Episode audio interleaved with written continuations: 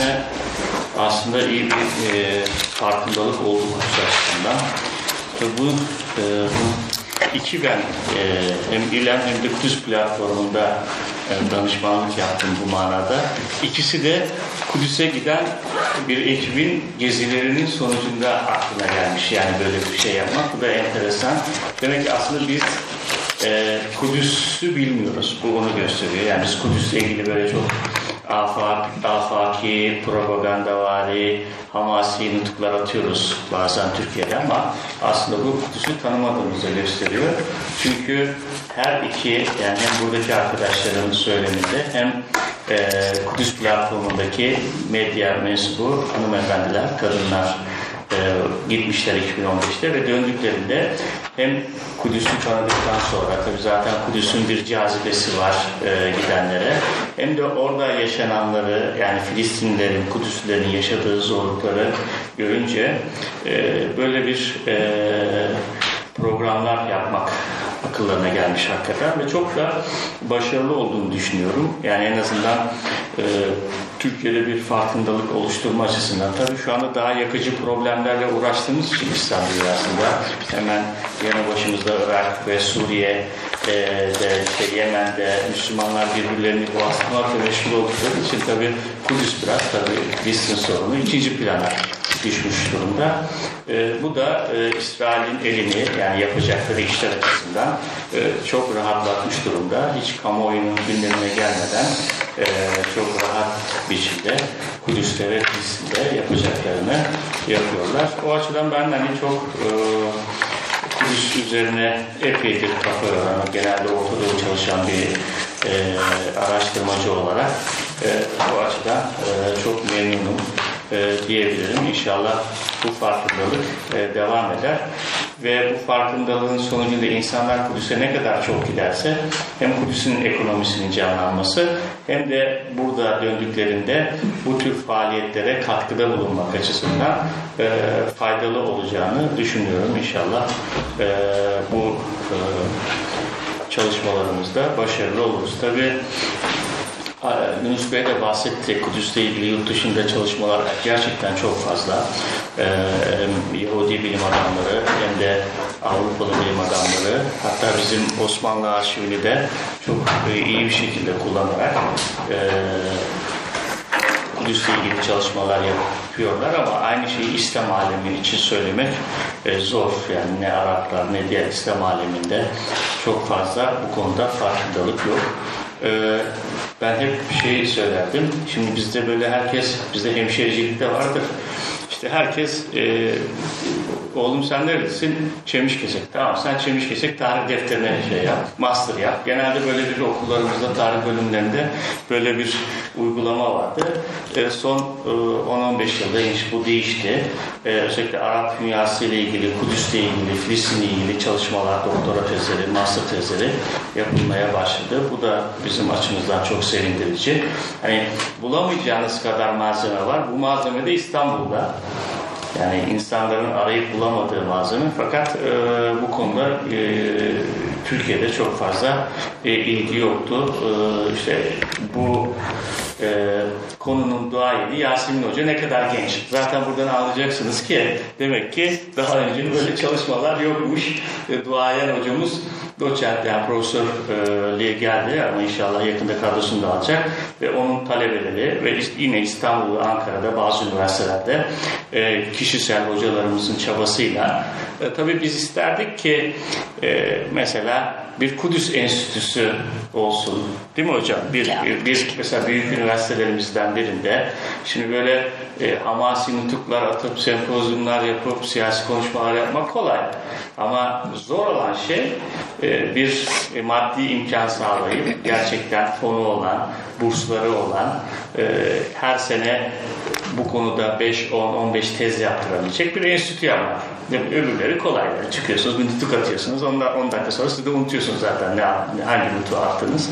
Onlar çok kolay ama esas tabii zor olan şey e, küçük cihat yani diyebileceğimiz bu işleri e, pardon büyük cihat diyebileceğimiz bu işleri yapmak. E, İLEM'e de çok teşekkür ediyoruz. Hakikaten bu dönem boyunca e, gerçekten e, yaklaşık bir 10 konuşma oldu herhalde değil mi? Hocam 10 konferans oldu da 10 Tabii sayı olarak tabii e, daha fazla ama en azından 10 haftalık bir süreç bunu e, Türkiye'de yapabilmek öyle çok e, kolay bir şey değil. Hocalarımıza da çok teşekkür ediyoruz. Hiçbiri bizi kırmadılar. Gerçekten e, aradığımız hocalar hepsi e, buraya e, gönül rızasıyla koşarak geldiler. Onlara da çok teşekkür ediyoruz. Şimdi küçük bir değişiklik yapacağız panelimizde değil mi hocam? E, kronolojik olarak Alaaddin Bey'in başlaması mı? Herhalde öylesi daha iyi olacaktır Evet. diye düşünüyorum. şeyse, daha yani- anlaşılır kılmak Evet. adına. Yani biraz kronolojik olarak e, Alaaddin Bey ile başlayacağız. Alaaddin Bey Osmanlı hakimiyetinde Kudüs'te siyaset ve şikayeti anlatacak. Tabii e, ben de Kastamonluyum. O da Kastamonu Üniversitesi'nden ayrıca bir e, tevafuk e, söylediğim gibi bizde önemli. Araplarda aşiret kılan işleri var. Bizde de hemşeri e, mesela İngiltere'ye gittiğimde benim en çok dikkatimi çeken şey şu olmuştu. Mesela Londra'da hiç Manchester köyleri yardımlaşma derneği bulamamıştım. Veya Liverpool e, bizim de ülkemize özgü belki bir şey ama buraya geldiğinizde? İşte her Kastamonu, Taş havalisi yani bizde aşiretin biraz daha rafine biçimi e, akrabalık ve hemşirelik bağları e, o açıdan da enteresan olacak. E, Alaaddin Bey de yani Kudüs üzerine bundan sonra inşallah hayat boyunca Kudüs çalışacak zaten. Yani öyle yola öyle başlayınca e, Kudüs'te de malzeme bol. E, doktorasını bu konu üzerinde yapmış genç arkadaşlarımızdan ve inşallah bundan sonra e, hem kendisi bu konuda daha verimli ürünler verecek hem de e, öğrenciler yetiştirecek. E, bize Osmanlı hakimiyetinde Kudüs'te siyaset ve şikayeti anlatacak. Buyurun. Tabii ki seviyorum. Geliyor. E,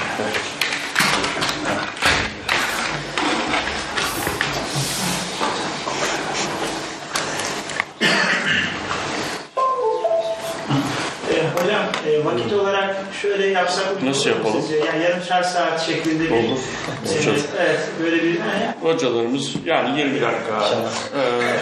e, vermek zorunda. Daha ziyade sohbete yönelik olsun aslında biraz Şimdi 20 interak- dakika Tabii. interaktif yapabilmek için Alaaddin Bey olabilir. 20 dakikayla sınırlarsa eğer sorularla açarak hoca, hatta hoca milletine çok şey verirsen vakit tabii tabii konuşuruz 20 değil zaten. o Evet. yarım saat konuşacak. Evet, yani sen 20 dersen sen tecrübesiz olduğun için konularda hocalara Ben 20 der. 50 diyecektim de Evet, evet. Ben şimdi yarın dersen o 40 dakika olur. Onun için biz 20 dakika diyelim.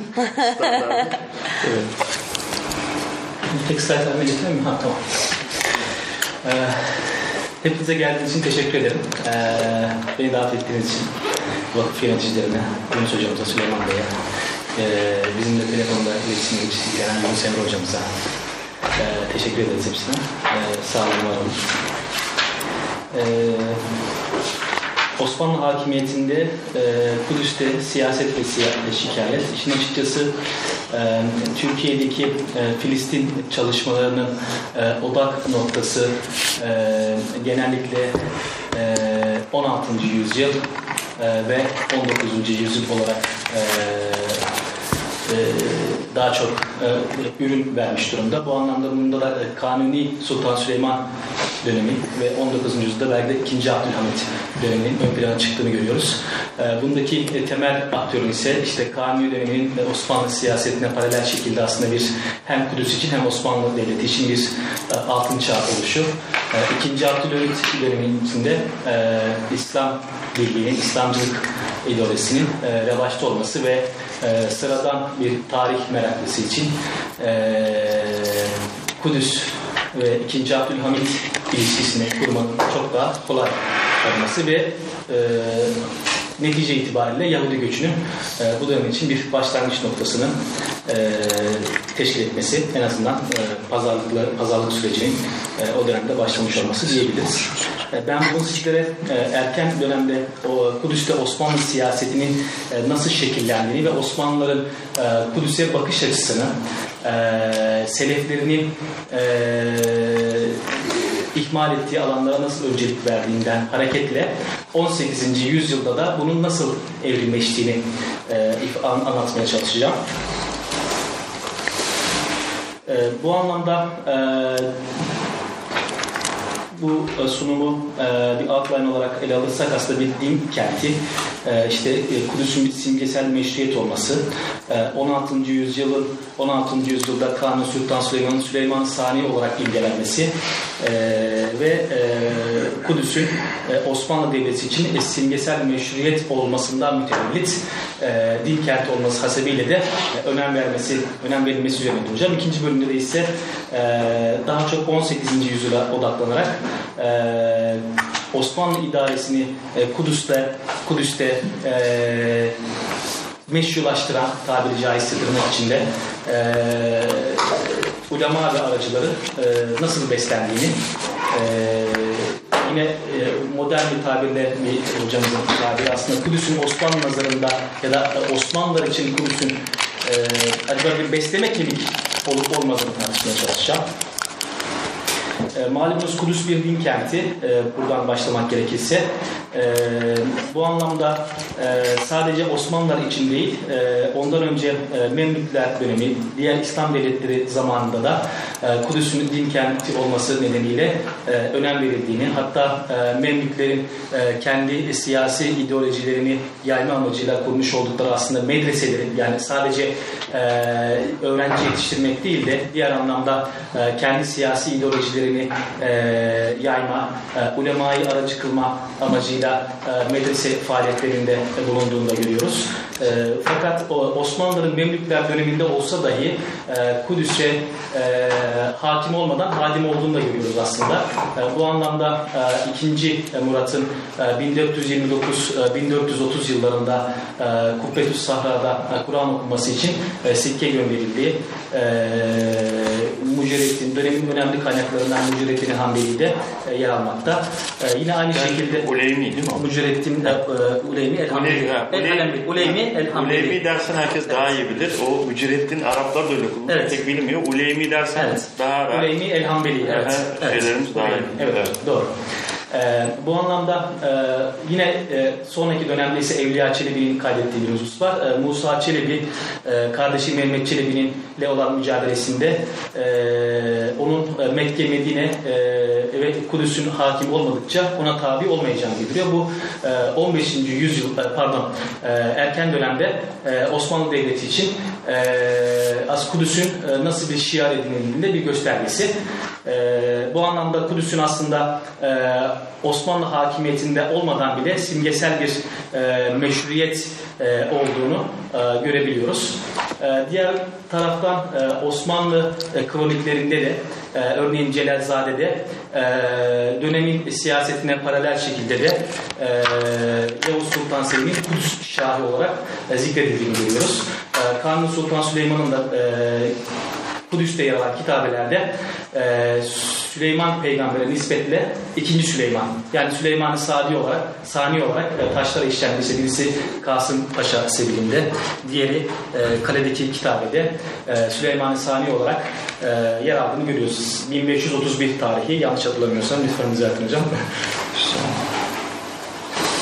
e, Tabi burada e, Osmanlı imajının oluşmasında e, Osmanlı Devleti'nin sunmuş olduğu imkanlar, ikramlar e, vesaire hususlar olduğu gibi e, ulemanın da bir e, rolü olduğunu görüyoruz.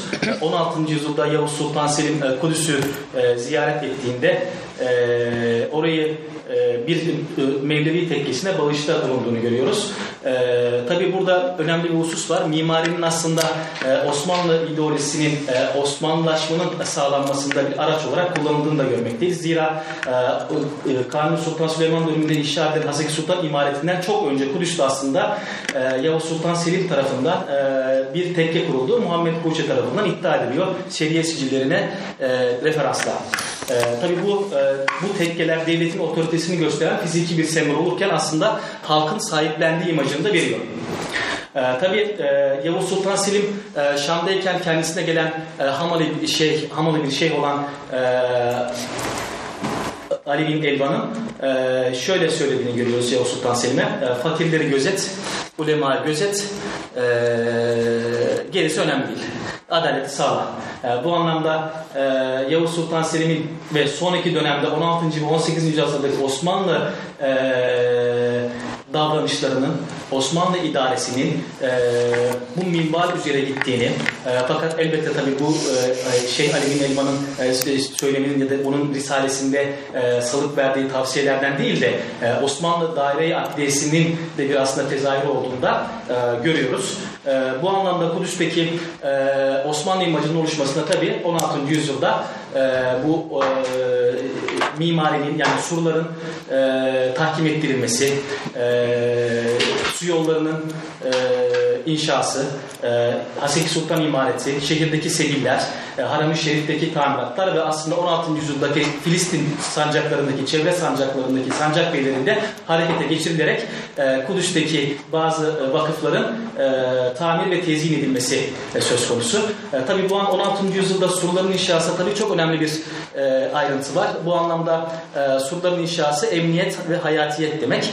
E, zira 16. yüzyılda e, Barbaros'un e, Şarken mağlubiyeti Avrupa'da bir e, bir e, heyecan yaratmış ve e, İtalyan yapma destanı olan e, Tasso'nun kurtarılmış Kudüs yapma destanında e, hadi ne duruyorsunuz artık İstanbul ve Kudüs zamanı, İstanbul'a ve Kudüs'e gitme zamanı gibi e, bazı heyecanlanmalar, hareketlenmeler söz konusu. Zira e, malumunuz 16. yüzyılda buna e, istinaden de e, bazı literatürde de iddia edildiği gibi e, bu destan da e, bize gösterdiği üzere e, bir e, Yafa Yafa'ya 50-60 bin uzaklıktaki bir kutsal kentin e, Haçlılar tarafından e, istila e, etme korkusu elbette e, Osmanlı sultanlarının zihninde de kendine yeritmiş olmalı.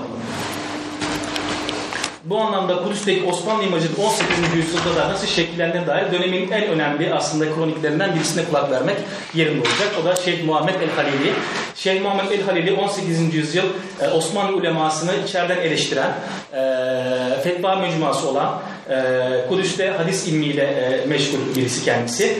E, El-Halil kentinden, isminden de anlaşıldığı üzere. E, Kur'an'inde e, Şeyh Muhammed Halili Osmanlı Sultanı şöyle tabir ediyor. İzin verirseniz okuyayım. Yol kesen eşkıyaları def etmiş, fakirliğe önlem almış, kötülüğü def etmiş ve hak sahiplerinin yanında olmuş bir sultan dualara ve övgülere, övgülere mazhar olmaktadır. Zira o şeriatı yaymış, haç kafirlerini korumuş ve haccı yüceltmişti. Kafirlerin kalplerine korku salmış, askeri tanzim etmiş, kafirlere ordu göndermiştir. İşte bu sebepler bu diyarların sultan olan sevgisinin sebeplerindendir. Kendisi o 1714'te e, şehre gelen Vezir Recep Paşa'yı karşılayanlar arasında. E, Recep Paşa Kudüs'e merkezden gönderilen son sancak beylerinden bir tanesi. O dönemde işte e, Köprüler devrinde e, 17. yüzyılın sonuna doğru e, sancak beylerinin baskına maruz kalmış e, ulemanın e, ya da yerel hiziplerin ya da yerel hanedanların e, yeniden bir dönüşüm içinde yaşadığı bir dönem. Kudüs içinde geçerli. Bu dönem zira 17, 1703 tarihi hem Edirne e, vakası hem Kudüs için e, hem de e, Osmanlı Devleti için e, tehlikeli e, olan e, bir, a, Muhammed bin Abdülhamid'in ortaya çıktığı ya da doğduğu tarihler. E, bu anlamda Kudüs'teki Osmanlı imajını şu dört ana direk üzerine inşa edebiliriz. E, emniyet, e, hayatiyet, diyanet ve adalet. E, hayatiyeti ekonomik refah olarak anlamak mümkün. E, emniyet bahsettiğim üzere surlar, hayatiyet yine surların inşası ve e, 16. yüzyılda e, Kudüs'te e, Osmanlıların sunduğu imkanlar çerçevesinde ve e, bedevi saldırıların önlenmesi neticesinde e, açık pazarın çok daha güvenli hale gelmesi ve Kudüs koncuların hareketlenmesi, Diyanet bir din kenti olması sebebiyle verilen adalette e, Osmanlı hukukunun e, Kudüs'te bir kadı vasıtasıyla inşa edilmesi diyebiliriz. E, tabii bu e, Diyanete ayrı bir e, paragraf açmam gerekirse e, Haç ve Suriyeli bu anlamda Osmanlı bölgedeki Osmanlı'nın Osmanlı meşruiyetinin sembolize edilmesinde çok önemli bir unsur olduğunu da görüyoruz.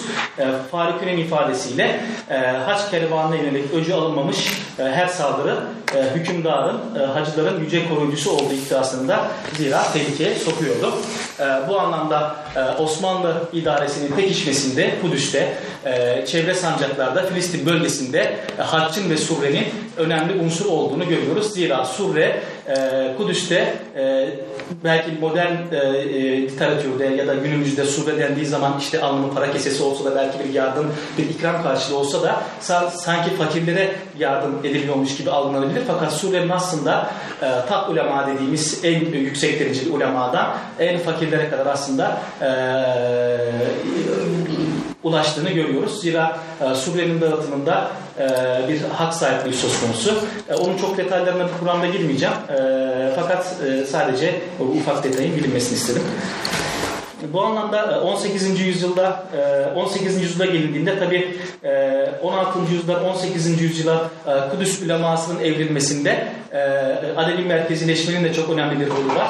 E, Malumunuz 16. yüzyılda e, her ne kadar Şeyh Alevi'nin Elvan'ın tavsiyesiyle e, ya da Osmanlı e, e, Osmanlılaşmanın e, Osmanlıların fetih politikasına e, ikna eden bölgenin e, teslim edilmesinden sonra e, ulemanın konsolide etmesi, şehri konsolide etmesi ve şehir yaşayanların konsolide etmesi için e, e, medreselerin ve vakıfların aracı olarak sunulsa da e, 17. yüzyılda aslında e, ulemanın değil e, Bedevi kökenli bazı ailelerin ya da Üm- Ümera ailelerinin işte bunlar Vaniler, Farukiler ve Turabaylar gibi bazı ailelerin Filistin sancaklarında rol oynadığını görüyoruz. Bu 18. yüzyılda e, bu Köprülüler döneminde az önce bahsettiğim üzere e, öne çıkan e, baskılar, e, tazikler e, bir ulema ailesinden olan e, asıl ismi e, işte e, asıl aile ismi Kudey olan fakat daha sonra isyandan sonra aile ismini değiştirerek e, Hüseyini e, mahlasının e, lakabını kullanan e, Hüseyini ailesinin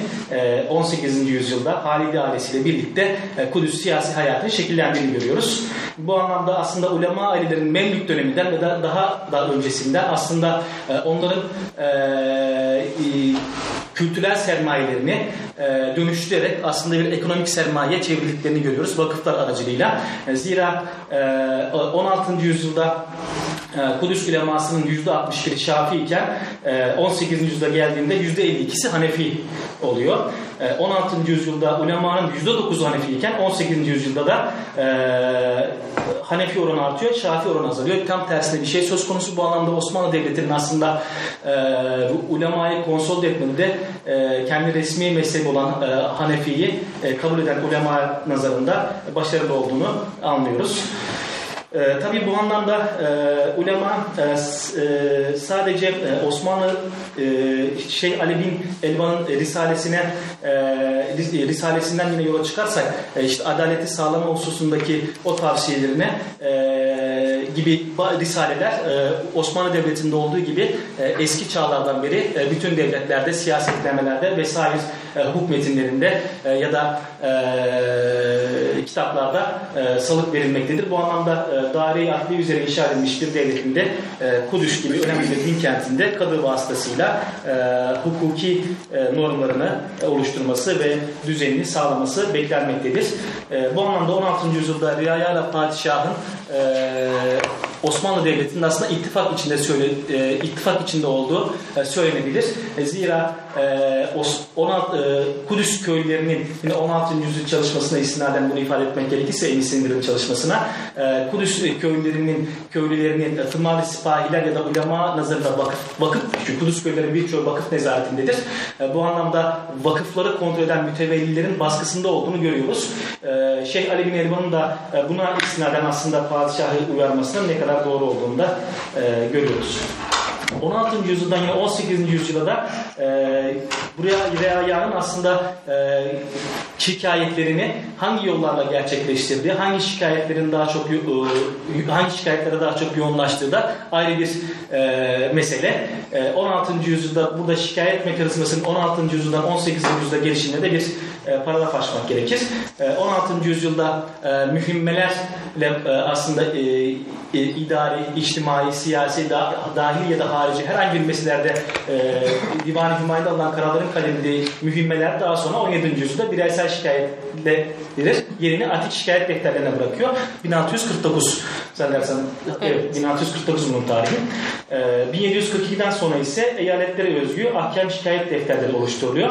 E, burada benim e, analiz ettiğim ahkam şikayet defterleri Biladişa mahkem defterleri olarak yer almakta. Bu Biladişa mahkem defterleri içinde e, Kudüs, Safed, işte Filistin sancakları e, ve buna ilaveten de Mısır da yer almakta. Ee, şikayet defterlerinde yer alan hususlar e, Kudüs'te 1742 ile 1793 yıl arasında e, şikayetçilerin e, şikayetlerini birçoğunun %73'ünü giderek yaptığını gösteriyor. E, bu büyük bir oran tabii ki %73 fakat bunun birazdan göreceğiz aslında e, bu şikayet oranının da aslında çok fazla olmadığını göreceğiz. E, tabii burada enteresan bir şey e, Kudüs gibi çok uzak bir kentte, art bir bölgede insanların şikayetlerini bizzat giderek yapmış olması da e, çok farklı bir soru. E, bu tabloda aslında bu giderek şikayetlerin nasıl yapıldığını, kimler tarafından yapıldığını ortaya koyuyor. Bu da e, giderek yapılan şikayetlerin e, nasıl yapıldığını da aslında e, ortaya koymakta. Zira şikayetçilerin birçoğu askeri. Bu anlamda aslında az önce bahsettiğim üzere 16. yüzyıldan 18. yüzyılda Osmanlı ideolojisinin yaymak için bir aracı olan ulemanın ve onun e, mekan olarak kullandığı kültürel sermayeyi ekonomik sermayeye dönüştürdüğü vakıflarında e, e, vakıflarla ilgili şikayetlerin de bu anlamda yoğun olduğunu görüyoruz. Zira şikayetçilerin aşağı yukarı %70'i askeri ve bunların birçoğu da askerilerin giderek şikayet ettiğini görüyoruz.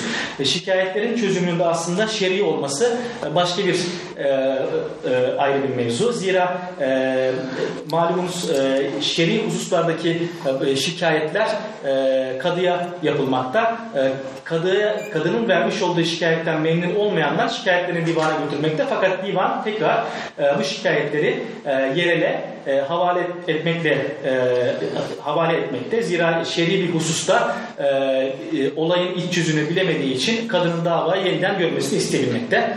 E, taraflara baktığımızda az önce bahsettiğim üzere askerilerin diğerlerden çok daha fazla olduğunu görüyoruz. E, gayrimüslimler arasında bir tasnif yapıldığımızda ise Hristiyanların Yahudiler nazarında daha fazla şikayetçi olduğunu görüyoruz. Hristiyanların daha fazla şikayetçi olmasındaki sebep ise e, daha çok onların dini meselelerle ilgili mektup göndererek e, o divana başvurduğunu görüyoruz. 36 yıllık bu dönemi aldığımızda ise 1764-1769 yıl arasındaki defter Başbakanlık Osmanlı arşivinde yok. Böyle bir defter tanzim edilmiş olamaz herhalde. Yani ya böyle bir defter kayıp ya da böyle bir defter yok. 390 hükümden ortalama yıllık 11 şikayet gelmiş. 18. yüzyılın sonunda Kudüs nüfusunun 10-12 bin arası olduğunu düşünürsek kazalarıyla birlikte e, bu nüfusun bu oranın aslında çok düşük kaldığını söyleyebiliriz. Tabii burada çok farklı bir araştırma konusu da aslında ortaya çıkabilir. Kudüs şeriyetçilerinin bu 36 yıllık dönemde tanınarak aslında e, o yıllardaki şeriyet sicillerindeki oranın ne olduğuna bakmak gerekebilir. E, şikayetlerin %67'si askeri, e, askeri olmasına haseden de %40'ı vakıflarla. Yine bir e, vakıflar bu anlamda e, askerinin e, yani e, vakıflardan beslenen e, ulemanın o, ve onun bağlaşıklarının aslında e, vakıfları koruma, vakıf mülkakatı, mülkakatını koruma ya da onlarla ilgili bazı sorunlarla ilgili e, divana şikayete gittiğini görüyoruz. Biraz daha hızlanmam gerekiyor sanırım. E, evet. Şikayet konularına geldiğimizde e, %40'ı vakıflar demiştik. Bunun %26'sı e, vergi düzeniyle alakalı. E, %24'ü adli yargı ile alakalı ve diğerleri. 16. yüzyılda hocam sizin mühim medef e, kitabınıza baktım hemen. Yine oran e, %63 e, vakıflar. 16. yüzyılda. Tabi bunların %50'sı da Haseki Sultan Vakfı'na ait. Bu anlamda 16. yüzyılda Haseki Sultan Vakfı'nın aslında o kuruluş döneminde e, e, bir e, Osmanlı resmi ideolojisinin bir e, sembolü, fiziki bir sembolü olarak nasıl ön plana çıktığını e, ve o e, Haseki Sultan Vakfı'nın e, e, nasıl e, kurulmaya çalışıldığında bu orandan aslında görebiliyoruz. E, bunu geçsem belki çok daha fazla hızlanabiliriz. E, vakıfların bu anlamda e, sembolik bir sermaye aracı olduğunu da e, anlayabiliyoruz. Zira e, Osmanlı Devleti'nin hakim olduğu bütün coğrafyalarda aslında vakıflara dair karşılaşılan ortak sorunlar aynı. Mütevellinin zimmeti, kiracıların tasarrufları, vakıf yöneticilerinin usulsüzlükleri, köylülerin vergilerini ödememesi, sipahilerin vakıf topraklarına taarruzu, vakıf yöneticilerinin anlaşmazlıkları gibi bir takım sorunlar vakıfları tasarruf eden, e, oradan yararlanan, onların e, oralardan intifada eden bazı e, ulemanın bu anlamda e, divanın yolunu tuttuğunu söyleyebiliriz. E, son olarak e, Kudüs'te e, hacı olmanın gayrimüslimler için ne ifade ettiğini e, şikayet defterlerinden e, çıkarmaya çalıştım. Bu anlamda aslında e, e, ahkam, ahkam defterlerinde çok fazla e, küçük ipucu ya da e, analiz e, analiz yapılabilecek e, belge ya da bilgi mevcut. E, diğer herhangi bir ahkam defterinde karşılaşmayacağınız birçok şey var. Zira bugün e, sabah e, Tufan Hoca ile küçük sohbetimizde de e, bunun üzerinde birkaç kelam ettik.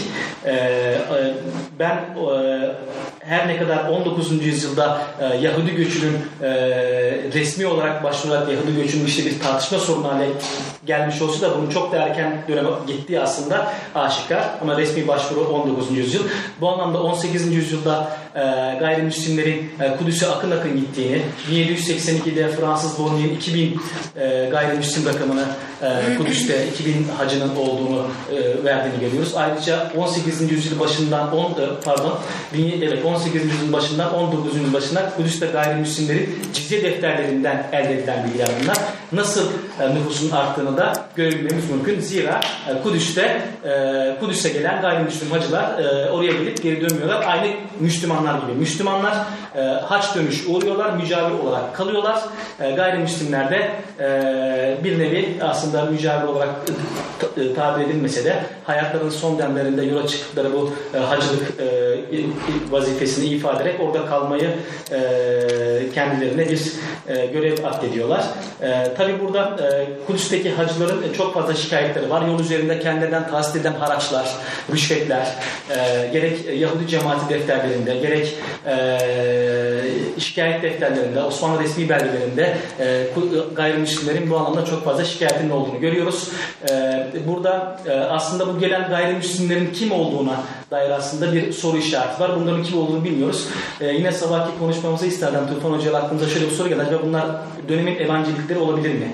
Yani Hristiyan Siyonizmini e, e, Hristiyan Siyonistleri olabilir miydi acaba diye bir soru aklımıza gelmedi. Zira 19. yüzyılda biliyorsun Balfour Deklarasyonu olsun, George gibi bazı isimlerin aslında Hristiyan e, Siyonizmi yayma amacı oldu. Yani Hz. İsa'nın e, geleceği Kudüs'e e, Kudüs'te bir Yahudi devleti olmalı. Hristiyan Siyonistlerin amacı budur. Zira e, meşhur tabirle topraksız bir vatan e, hocam e, topraksız e, vatansız bir halk içindir düsturunu benimsemiş e, evangelistlerin e, bu e, şeyi gayreti bu anlamda belki çok da erken dönemde başlamış olabilir.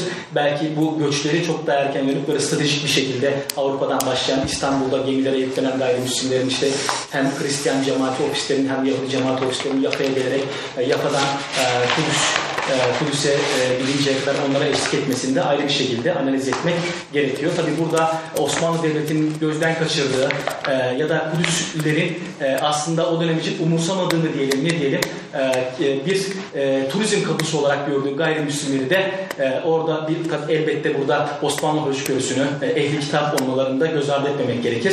E, diğer e, üçüncü seçenekte benim e, söylediğim üzere acaba bir turizm kapısı olarak da görmelerini de eklemek e, gerekiyor. E, bu anlamda e, Osmanlı 16. yüzyıldan 18. yüzyılda Osmanlı siyasetinin aslında bir e, kendi meşruiyetini e, sağlamlaştırma e, ve Kudüs'teki onun din kenti olmasından mütevellit e, 18. yüzyılda e, İslam dünyasında e, belki ya da genel olarak e, Osmanlı coğrafyasına ya da Avrupa'ya karşı nüfuzunu e, yeniden elde etme politikası olarak e, bir gücünü merkezileştirme ya da yeniden konsolide etme çabası olarak görebiliriz diye düşünüyorum. Teşekkür ederim. Teşekkür ediyoruz. Vakitte tam e, Hayrul umuri evsatuha 30 ile 20 dakika arasında 25 dakikada bitirerek sünnete uygun bir biçimde bir e, konuşma oldu. Tabii çok teşekkür ediyoruz. Ee, tabii aslında burada 20-25 dakikada uzun e, yüzyılların Evet. e, çalışmalarını belki kısa şeyde anlatmak çok zor. Ama aslında buradaki hikaye bile ne kadar çok malzeme olduğunu gösteriyor bize yani genç arkadaşlara. Yani şimdi şuradan kaç tane test konusu çıktı benim, benim kafamda yani yapılabilecek buradaki sorulardan. Ee, o nedenle çok e, belirli bir alan. Biliyorsunuz e, bu Batılılar çok akıllıdır bu konularda. mesela Batılı hiç Selçuklu çalışmıyor. Niye Selçuklu çalışmıyorlar? Ben merak ettim. Çünkü malzeme yok. Ne çalışıyorlar? Memlükler çalışıyorlar. Benim çalıştığım alan. Niye Memlükler çalışıyorlar? Ya akıl almaz mı? Hani orta çağın hani arşiv öncesi dönem. Çünkü bizim e, arşiv olsa bile elimizde bir şey kalmadığı için orta çağda e, arşiv öncesi dönemde yani Osmanlı'yı hariç tutacak olursak en çok malzeme Memlükler döneminde var. E, onun için de e, Chicago'da Memlük e, okulu, e, Venedik'te Löwen Katolik Üniversitesi'nde Türkiye'de kuramazsın bir Türk bir Memlükler bir Türk devleti olmasına rağmen bunu da kimse bilmiyor zaten o ayrı bir konu ama e, mesela bir Memlük okulu burada kuramazsın ama Chicago'da işte Löwen Katolik Üniversitesi'nde Venedik Üniversitesi'nde bunların yıllık olarak da toplantıları var e, dergileri var, yayınları var, database'leri var. E, işte tabii şey ilim böyle bir şey yani ne kadar e, çalışırsanız o kadar e, faydasını görüyorsunuz. Onlar akıllı olarak Selçukluları bıraktılar. Memlükler çalışıyor. Orta çağcılar genelde batıda Memlük çalışıyorlar. Şimdi çok teşekkür ediyoruz. Belki birkaç konuya belki e, temas etmek lazım. Tabii e, burada hani Osmanlıların e, işte medreseler ve işte daha önce Memlükler aslında bu bir süreç. E, biliyorsunuz Şii Fatimi hakimiyeti var. Ondan sonra bir Haçlı hakimiyeti var. O bölge bugünkü demografik mezhebi yapıya baktığınız zaman oldukça karışık. İşte Dürzilik, Filistin e, ve Lübnan bölgesinde işte Nusayrilik yine e, mezhepler, e, Hristiyan mezhepler fazla.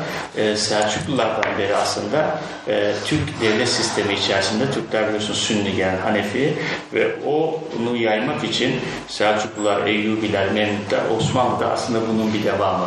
Tabii Memlükler biraz da muhtedi psikolojisi içerisinde oldukları için çok daha fazla yatırım yapıyorlar bu tür kutsal yerlere. Bir de tabii ulemayı e, ki ulema nedir?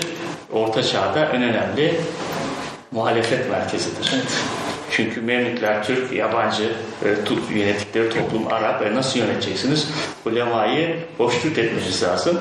E, bunun tabi hani hem dini muhtedi psikolojisi hem dini yönleri var hem de iktisadi yönleri var. Bu Selçuklulardan itibaren e, gelen bir şey. Bu adaletle ilgili tabi.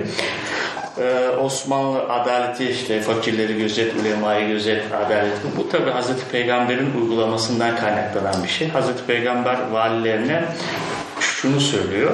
Üç tane.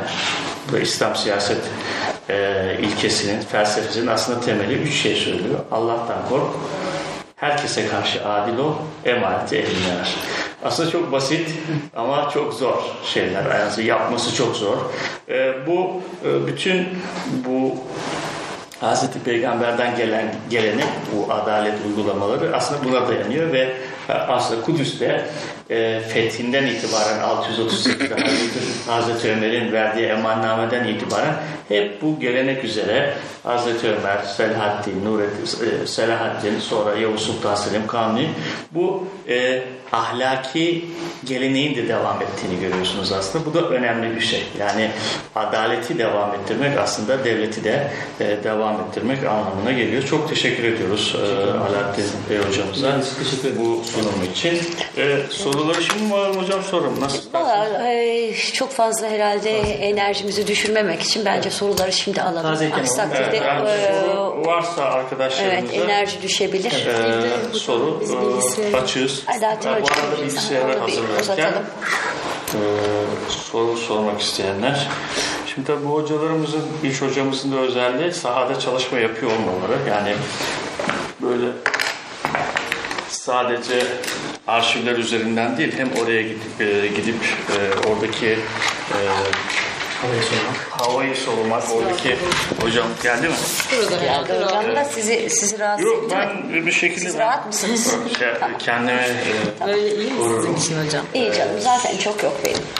Yani Evet. oradaki yerel e, hususları da çok iyi bilen, sahayı da bilen e, hocalarımız olması hasebiyle e, aklınıza gelen yani merak ettiğiniz ileride çalışacak arkadaşlar da sorularını sorabilirler. Evet. Şöyle bir soru Buyurun.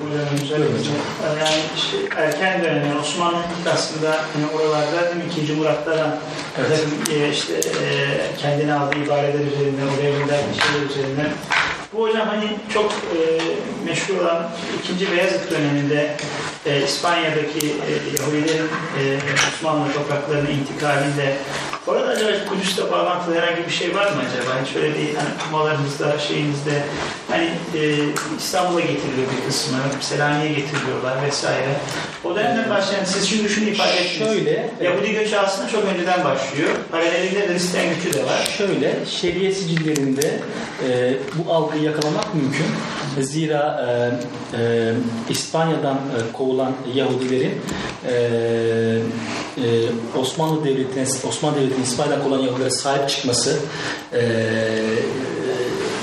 ve Kudüs'e e, ya da İstanbul'a işte bunları yönlendirmesi, Anadolu'nun çeşitli yerlerine yerleştirmesi, e, Osmanlı hükümdarlar tarafından verilmiş olan amannameler, fermanlar e, vesaire e, şeriat çizgilerine yer merkezi bazı belgelerde bu hususa değiniliyor özellikle. Yani biz e, siz bizim muha- e, biz buraya hakim olmadan önce de siz bizim muhafazamızdaydınız gibi bir algı söz konusu evet arşivlerde. Ama Kudüs'e yerleşiyorlar mı?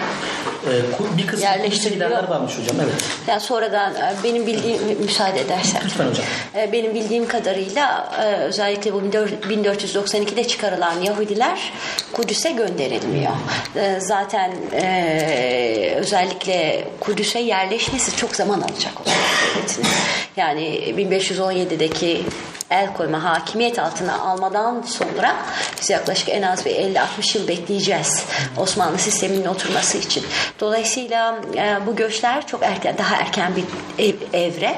Şimdi buradan göç eden zümreler e, oldukça e, yüksek seviyeli gruplar. Aralarında bankerler var, sermayedarlar var, zanaatkarlar var. Ee, özellikle bilhassa e, mesela Yusuf Navon vesaire oradan çıkacak zaten. Onların içinden çıkacak.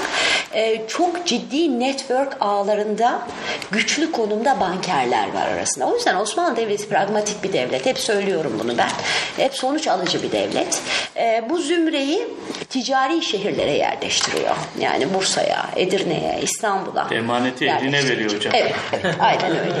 Ee, ve a, e, akabinde bunların içinden bir daha yöneticiler tayin edildiğini falan da göreceğiz. İşte mesela Yusuf Namon'un Kıbrıs adasına işte e, idareci olarak gönderildiğiydi ki Müslüman olmayan birisinin idareci olması e, çok e, az rastlanan bir şey. Hiç değil ama az rastlanan bir şey. Dolayısıyla o yani 1492'de gelenler için Kudüs'e yerleştirmek pek söz konusu olamaz. Kazanmış hocam. Yerleştirme değil de yani gidenlere de engel, engel Tabii ki, tabii ki, Onu yani. kastetmedim Tabii mesela. ki, Gidenlere tabii engel ki. koyulmuyor. Elbette, Zira elbette. mimar yani Aha. yine bir tevatür bu. Ee, Kanuni Sultan Süleyman'ın Burak Duvarı'nı da ibadet etmelerine izin verdiğinde hani oraya Yahudilere yerleştirildi, yerleştirildi. Zannedersem ilk yerleştirme o zaman galiba değil mi hocam? Yani Tabii tabii. Şimdi e, şeyin aslında e, Alaaddin Bey'in söylediği çok önemli hususlar vardı. Ben de not aldım hatta bilmediğim şeylerdi bunun benim. Yani burada çok e, e, enteresan mesela apayrı bir çalışma konusu bu adeta. 1517 yılından önce Osmanlı Devleti'nin Kudüs'le yoğun bir ilişkisi var. Yani bu çok ilginç. Biz hatırlarsanız ben böyle biraz ortadan girmiş gibi oldum ama biraz da belki sohbet gibi olsun daha güzel olur. Arkadaşlarımızın ilgisini çekeriz. Yani 1517'de Osmanlı buraya hakim oluyor ama bakıyoruz mesela Fatih'in e, şeye Rumları e, Kamame Kilisesi'nde haklarını koruyan fermanı var. Muhafaza altına alan. Bu tabii İstanbul'la alakalı o hocam. Mutlaka İstanbul'la alakalı. Bir, e, ondan önce sen dedin altına giriyor. 1429-1430'da işte Yavuz Sultan Selim e, pardon 2. Murat tarafından e, yine burayla e, Suriye gönderilmesi burada bir belki hutbe okutulması söz konusu. Yavuz Sultan Selim'in e, inşa ettirdiği bir tekke söz konusu fetihten önce. Yani Şey, 1500 e, Kanuni'den önce. Kanun'dan önce. Ya fetihten sonra o zaman. Tamam. Tamam. Ama ne olursa olsun ilgisi gerçekten Kudüs'e e, hakimiyetten çok önce başlıyor. Çünkü bu şehri yönetmek, dünyayı yönetmek için bir meşruiyet kaynağı. Evet. Ee, elbette Osmanlı Devleti de buna aday. 1517'den önce aday. Net bir biçimde görüyoruz Zaten bunu. Yani İstanbul o vizyona sahip. Her şeyden önce. O vizyona sahip. Hocam tabii. Özür diliyorum Alaaddin Hocam. Tabii önce bir vizyona sahip olmak Evet, lazım. kesinlikle. Yani mesela Nurettin bir vizyona sahip Kudüs'ü almak için kendisi alamıyor.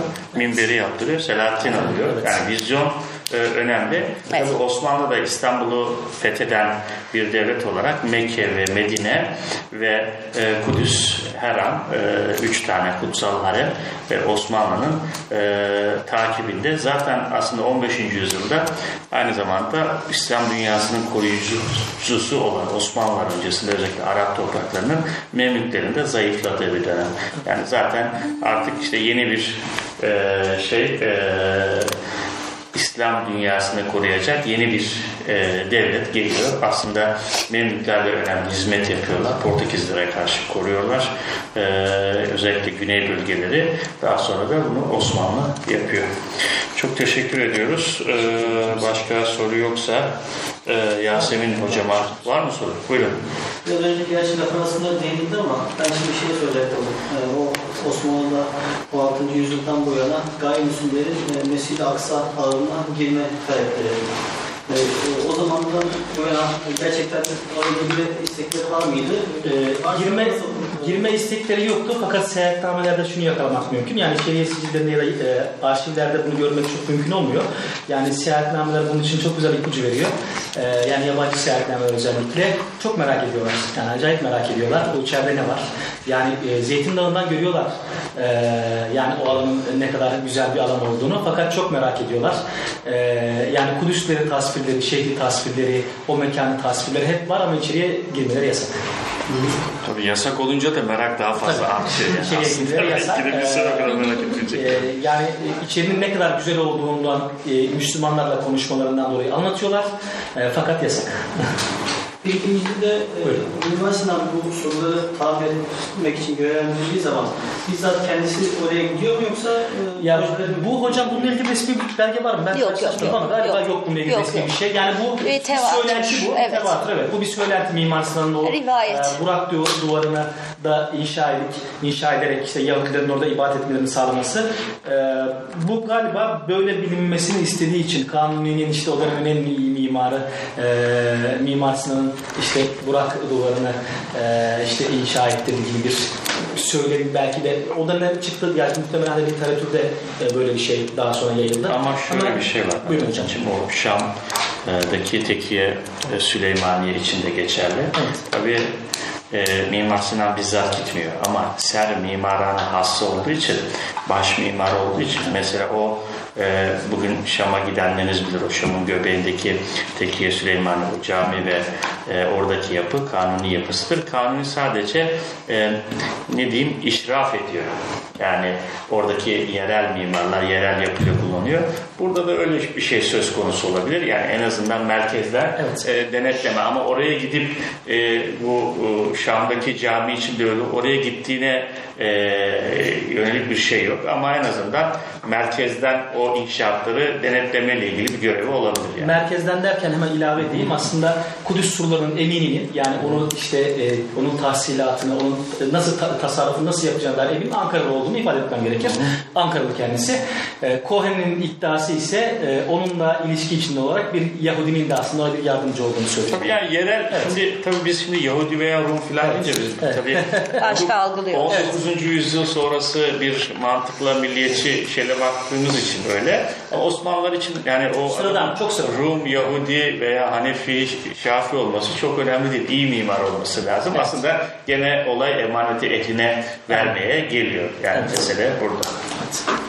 Şimdi efendim e, Kudüs çalışmalarının duayeni diyebileceğimiz hocamız genç yaşına rağmen e, bize e, genç derken hocam biz yaşlı Pek de genç olduğumuz için değiliz aslında Hayır, hocam. kendimi de bu arada Ha, tamam o zaman itiraz etmiyorum. Sizin için söylemiyorum yani. Ee, e, Yasemin hocamız gerçekten hani e, bu alanda ilk hocalarımızdan ve e, tabii e, daha önce de hocalar hocamızdan daha önce Kudüs çalışanlar var ama o bir ekol oluşturmadı. Hocamız talebeler de yetiştiriyor ve bir inşallah ileride daha büyük bir ekol olacak hani Kudüs çalışmaları açısından.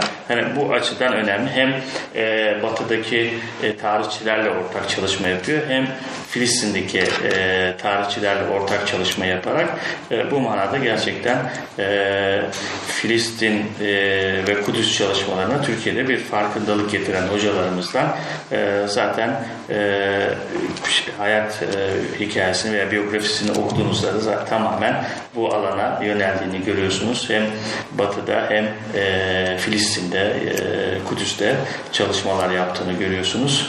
Çok önemli eserler de verdi ve çok e, yanımızda bulunan arkadaşlar gibi e, talebeler de yetiştiriyor. Onun için kendisine e, medyunu şükranız hakikaten e, böyle e, hamasi nutuklar yerine e, hocamız gibi e, araştırmacıların yetişmesi sanırım e, çok daha faydalı olur. Hocamız bize e, 19.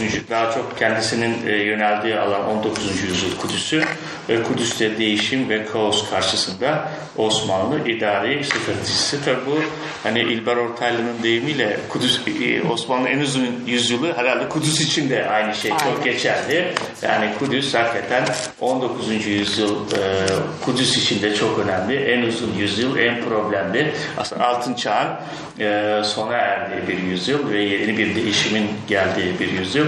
Bu açıdan çok e, önemli. Buyurun Sayın Hocam.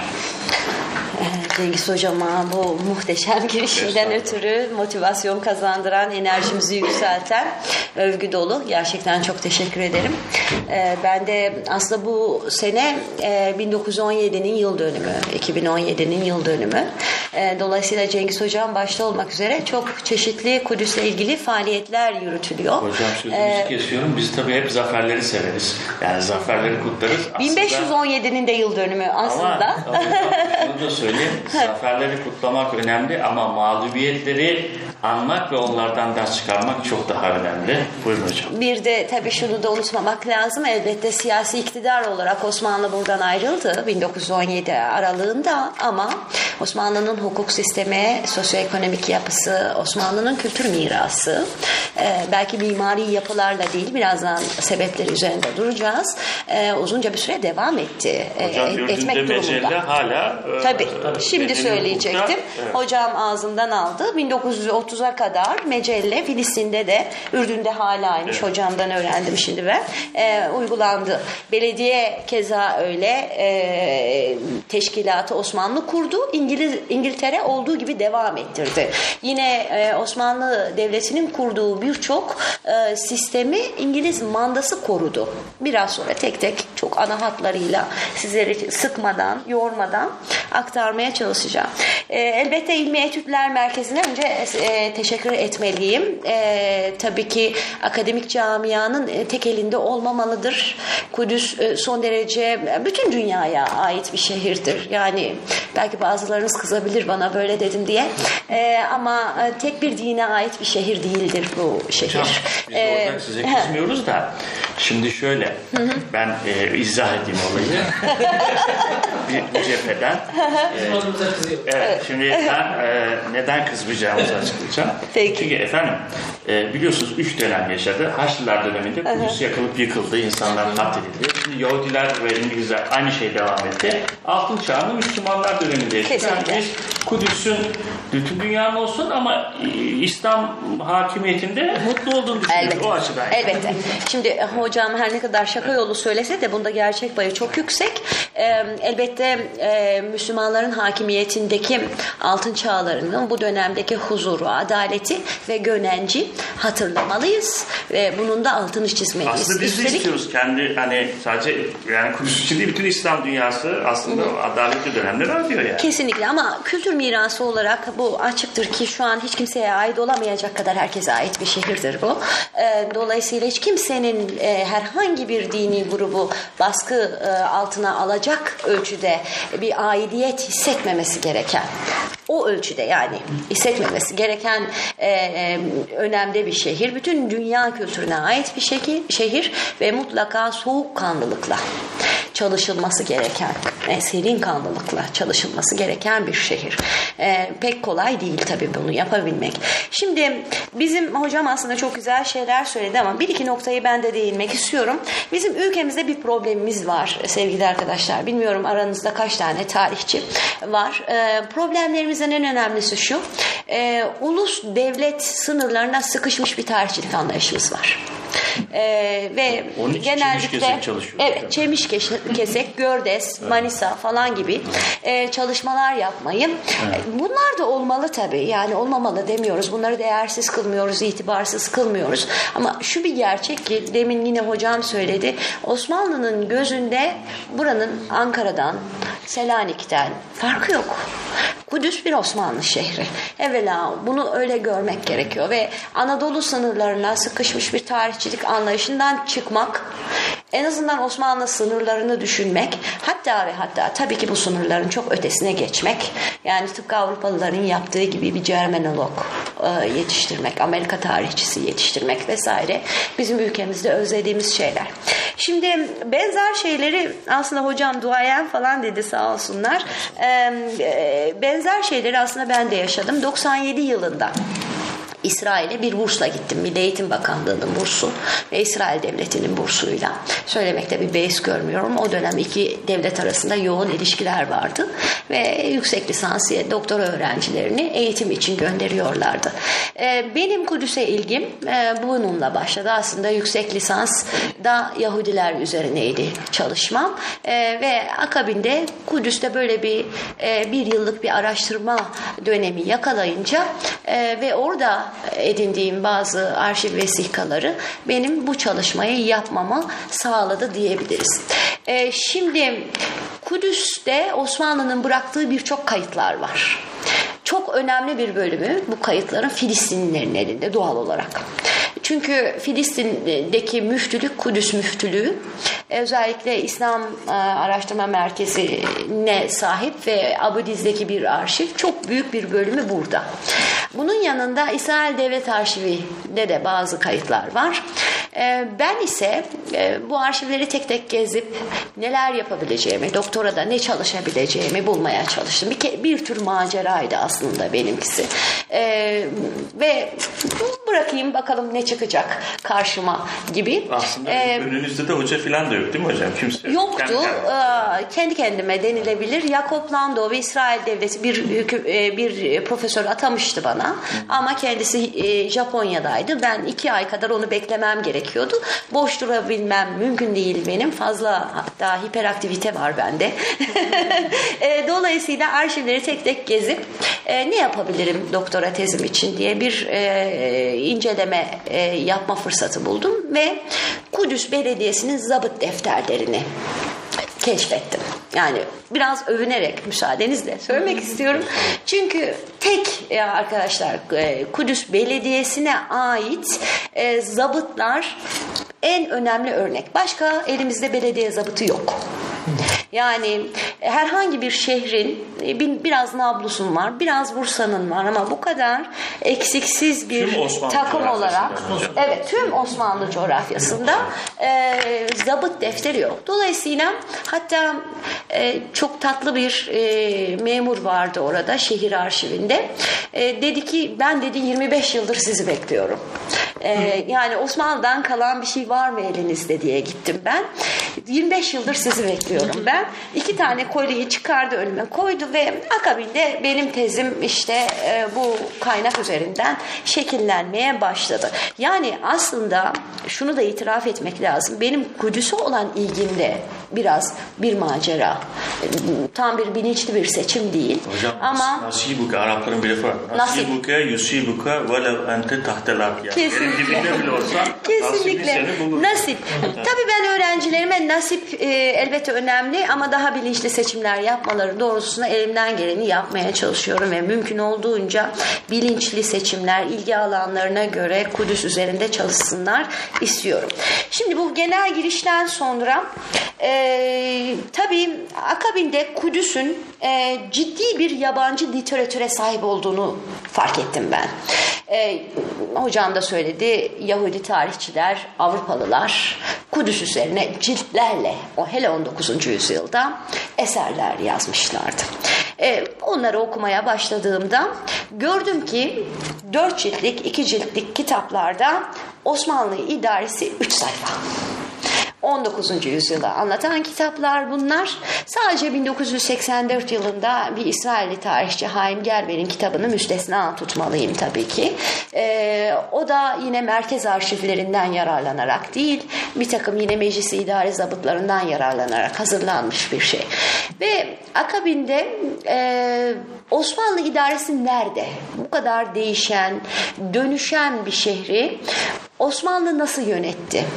Ee, büyük bir kaos yaşıyordu son dönemde 19. yüzyılın sonunda Kudüs. Bu kaosun nasıl idare etti, ne tür stratejiler geliştirdi? Özellikle kurumsal ağı nasıldı? Çünkü e, bir, hiçbir siyasi iktidarı, hiçbir idareyi, hiçbir yönetimi siz e, bahsi geçmeyen hale getiremezsiniz. Her zaman dikkate almak zorundasınız. Tarihçiler olarak çalışmak her zaman. E, dolayısıyla Osmanlı Devleti'nin strateji nasıl, stratejileri nasıldır, idaresi nasıldır? Bu soru üzerinden gitmeye çalıştık biz. Şimdi Tabi zamanla artık Osmanlı arşivleri üzerine yazılmış, Osmanlı arşivlerine dayanarak yazılmış çalışmalar da artıyor hocamın dediği gibi. Ama hala daha istenilen seviyede değil. Evet Avrupalılar yapıyor, yapmıyor değiliz. Yani son 10 yıldır benim de beraber çalıştığım birçok Avrupalı tarihçi var. E, o ya da bu şekilde bir takım ortamlarda buluştuğum ya da birlikte çalışmalar yaptığım.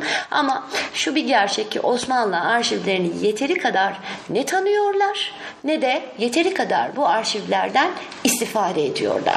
Üstelik hala daha Osmanlı arşivlerinin okuyucuya kapalı olduğunu iddia eden tarihçilerle karşılaşıyorum ben.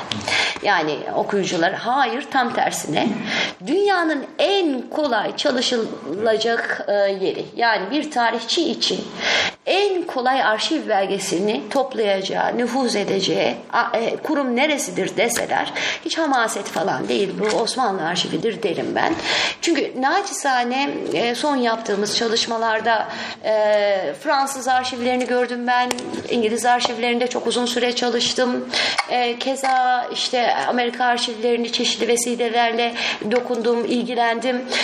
Ama Osmanlı arşivleri kadar hiçbirisinin sistematik bir biçimde örgütlendiğini ve okuyucu dostu olduğunu e, görmedim. Hele hele şimdi e, online olarak da artık e, ulaşabiliyoruz. Hocam bir şey söyleyebilir misiniz? Buyurun. Bir şey Bu şundan da kaynaklanıyor olabilir mi?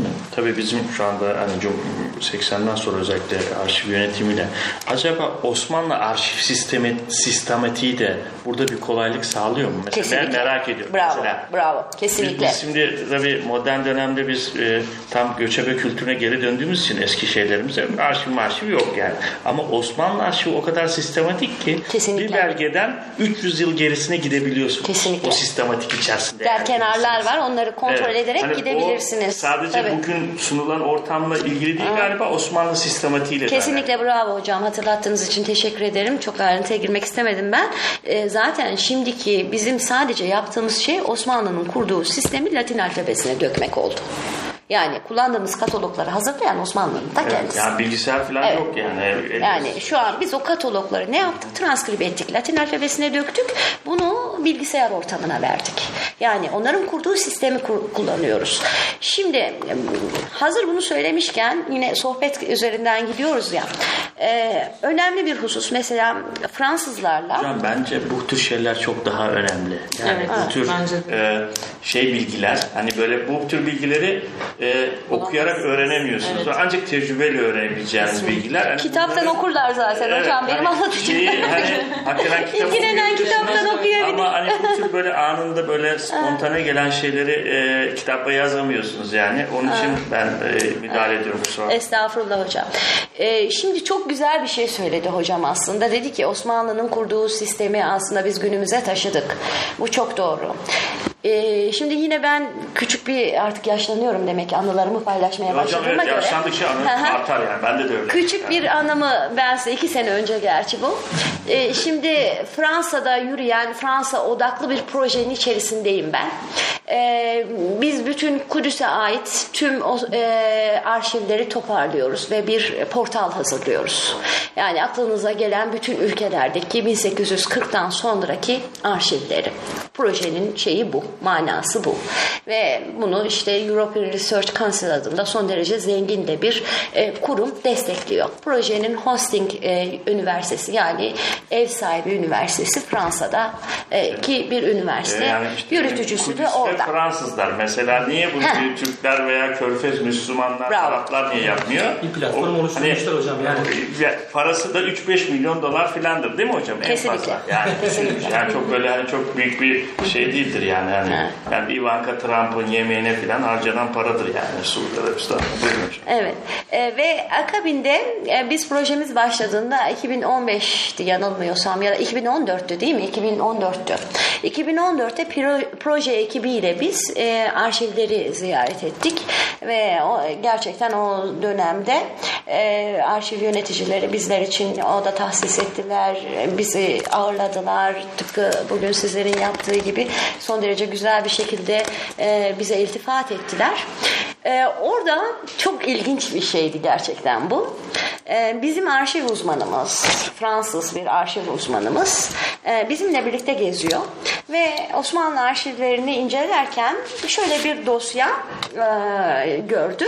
Dosya Fransızca kapağı dosyanın. Ve e, bu dosyayı Fransızca olarak Osmanlı arşivinden bir Fransızca dosya görmüş olmak onu son derece mutlu etti. Ve bakın bunu alıp sanki Osmanlı Devleti arşiv sistemini Fransızca yürütüyormuşa getirmeye çalıştı. Evet.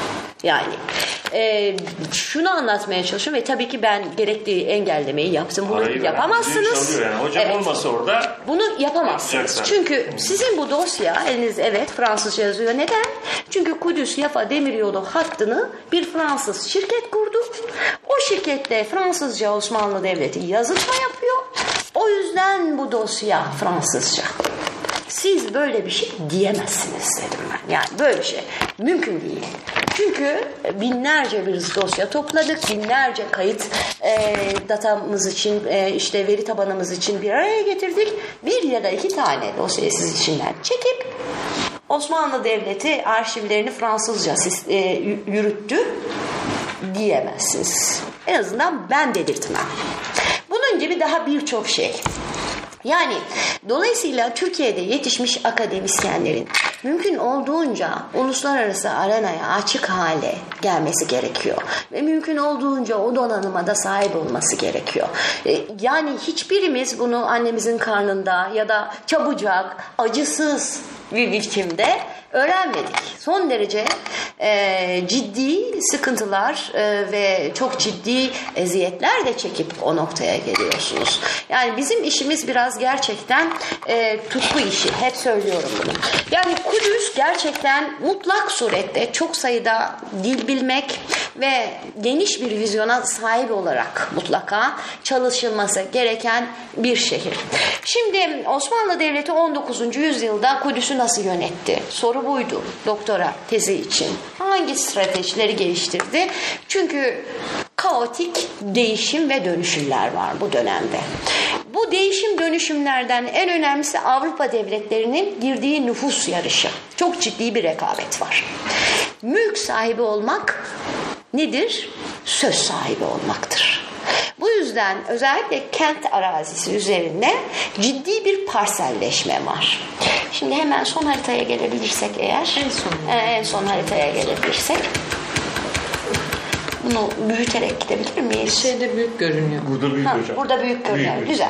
Ee, şimdi mesela göreceksiniz arkadaşlar özellikle Moskofiye bakın.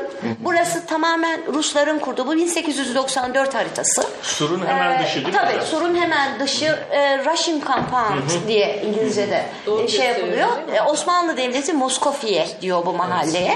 E, ve etrafı surla çevrili. Yani e, adeta e, tamam buradan e, da yapabiliriz. Ben gözüm çok iyi görmüyor Yunus Bey de o yüzden e, benim için bu ekran biraz küçük. Burasından bahsediyorum. Etrafı surlarla çevrili ve burası tabii ki Osmanlı Devleti'nin çok da fazla müdahil olamadığı bir alan. Keza hemen bakıyoruz bakın Montefiore bölgesi. Surlara çevirince şehir surları Tabii yani e, şehir surları gibi Yok. değil tabii. Ya sur derken tabii do, do, Site gibi, duvarla, gibi. duvar diyelim. gibi, duvarla diyelim. Keza Montefiore'nin Yahudi kolonisi. Bakın 1838'de e, bu bölgeyi alıyor Montefiore. Londra'daki Kudüs'ün etileri değil mi? Aynen öyle. Aynen öyle. Şu anda Kudüs'ün etileri ve e, hemen akabinde hemen hemen her yere değil, dağılmış manastırlar, kiliseler, okullar, hastaneler, e, yetimhaneler e, görebilirsiniz. Bunlar hangi devletlere ait? Ruslara ait, Almanlara ait, e, İngilizlere ait, en çok e, Ruslara ait. Ruslar çok e, mülk edilmek konusunda çok büyük bir yarış içerisindeler. E, ve Fransızlara ait bir bölümü de manastırlar, kiliseler, hastaneler, okullar.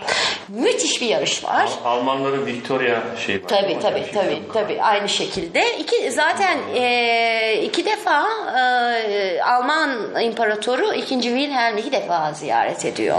Osmanlı'yı birinde Kudüs'e de gidiyor. Dolayısıyla bu dönemde veliahtlar, prensler yani müthiş bir akın var kraliyet ailelerinden Kudüs'e.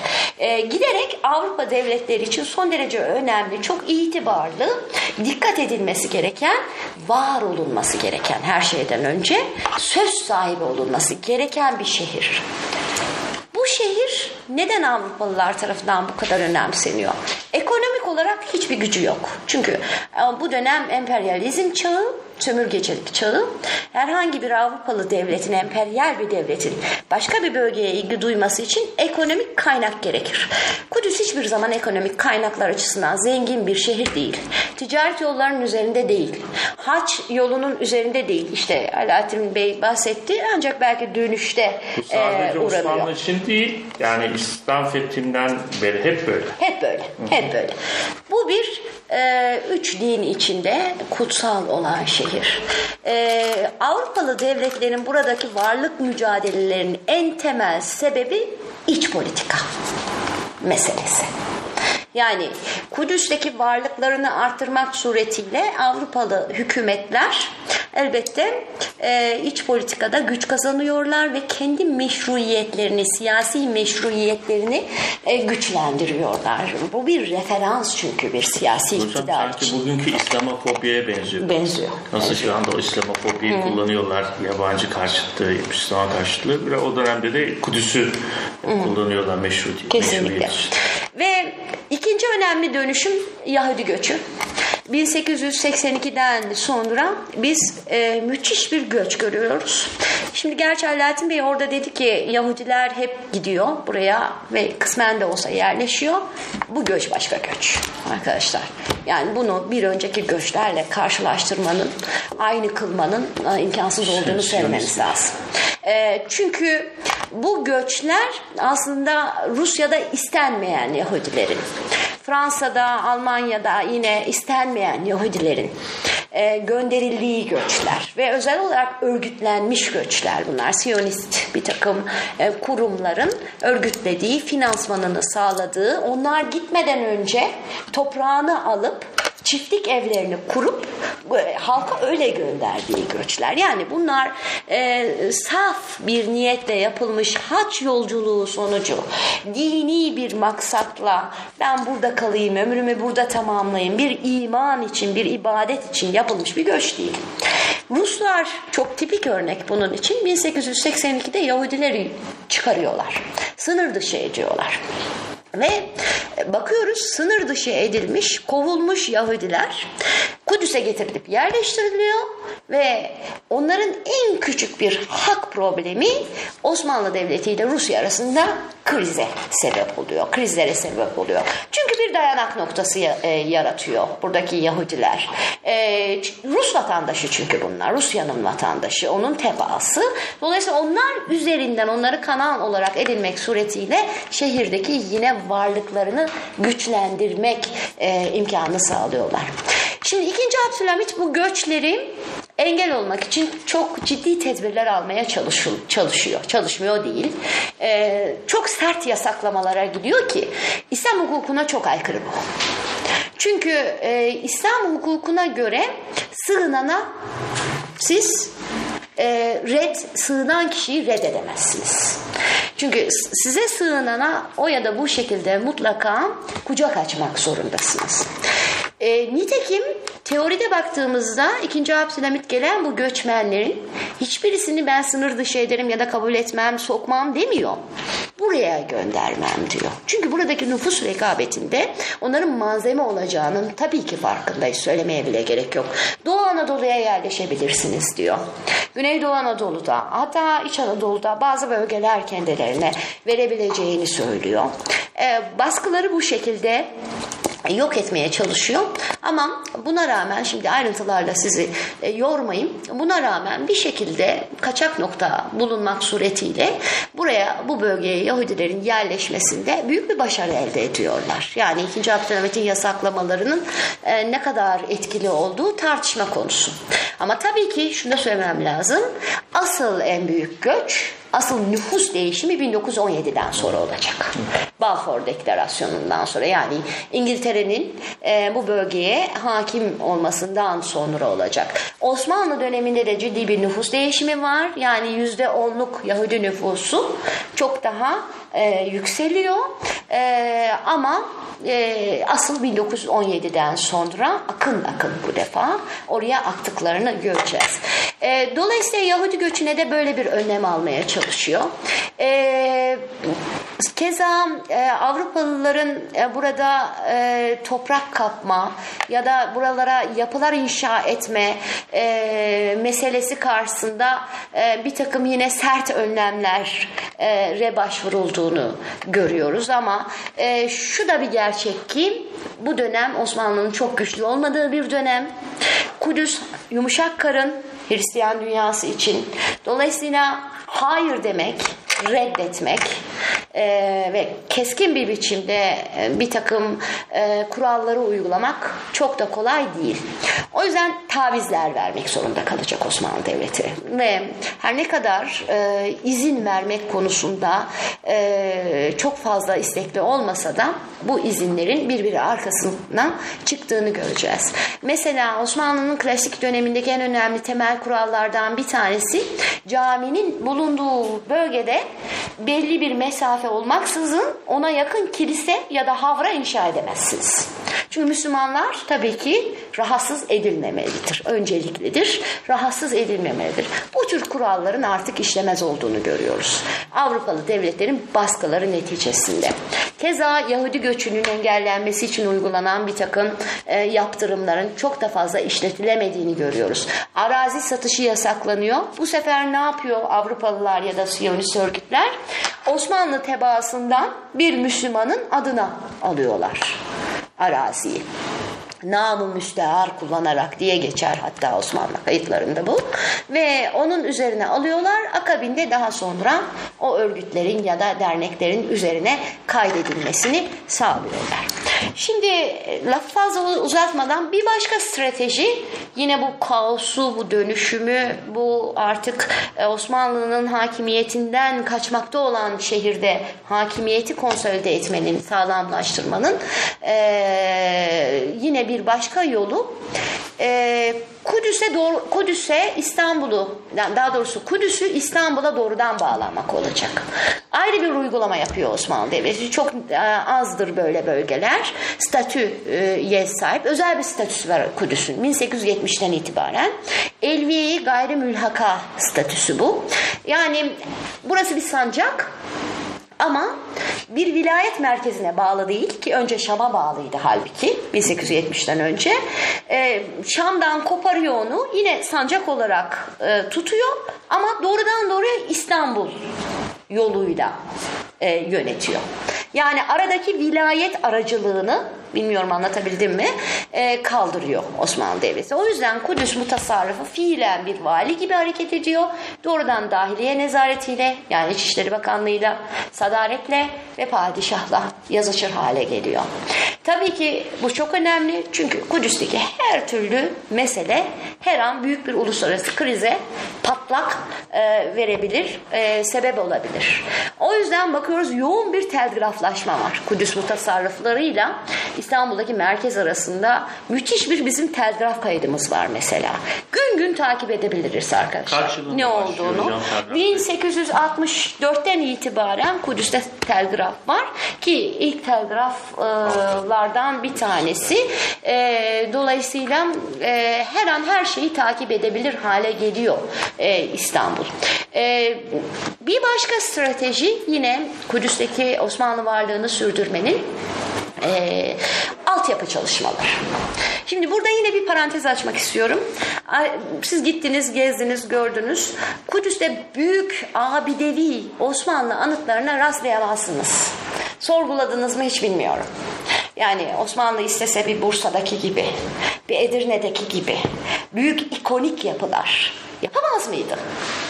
Tabii ki yapardı. Bir saat kulesi vardı onu da yıktılar. Onu da İngilizler beğenmiyor. Diyor ki işte birazdan söyleyeceğim.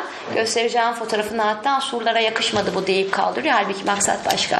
Ee, abidevi yapılar yapmaz Osmanlı Devleti. Mekke'de de yoktur. Medine'de de yoktur. Kudüs'te de yoktur.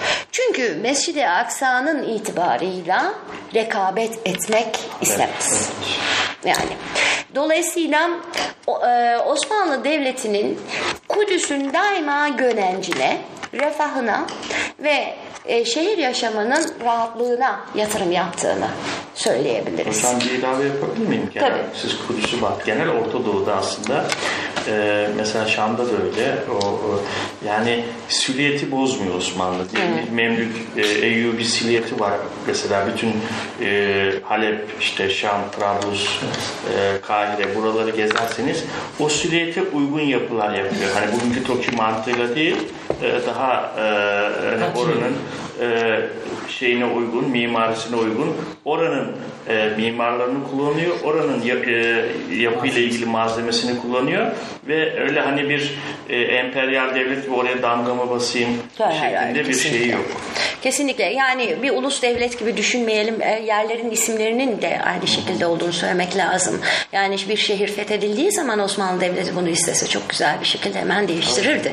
Yani halbuki bunu e, daha kolay söylenebilir hale getirmiştir her zaman. Yani Türkçe'de daha rahat telaffuz edilebilir hale getirmiştir. Dolayısıyla bu dönemde de 19. yüzyılda da mesela İstanbul'da gördüğümüz dönemin modernleşmesini ifade eden yapıları göremezsiniz e, Osmanlı Kudüs'ünde. Ama e, şehrin e, altyapısının gelişmesiyle ilgili çalışmalara sıkı bir biçimde rastlıyoruz. Daha çok toprağın altında çalışıyor. Aynen öyle. Aynen. En büyük problem su problemi.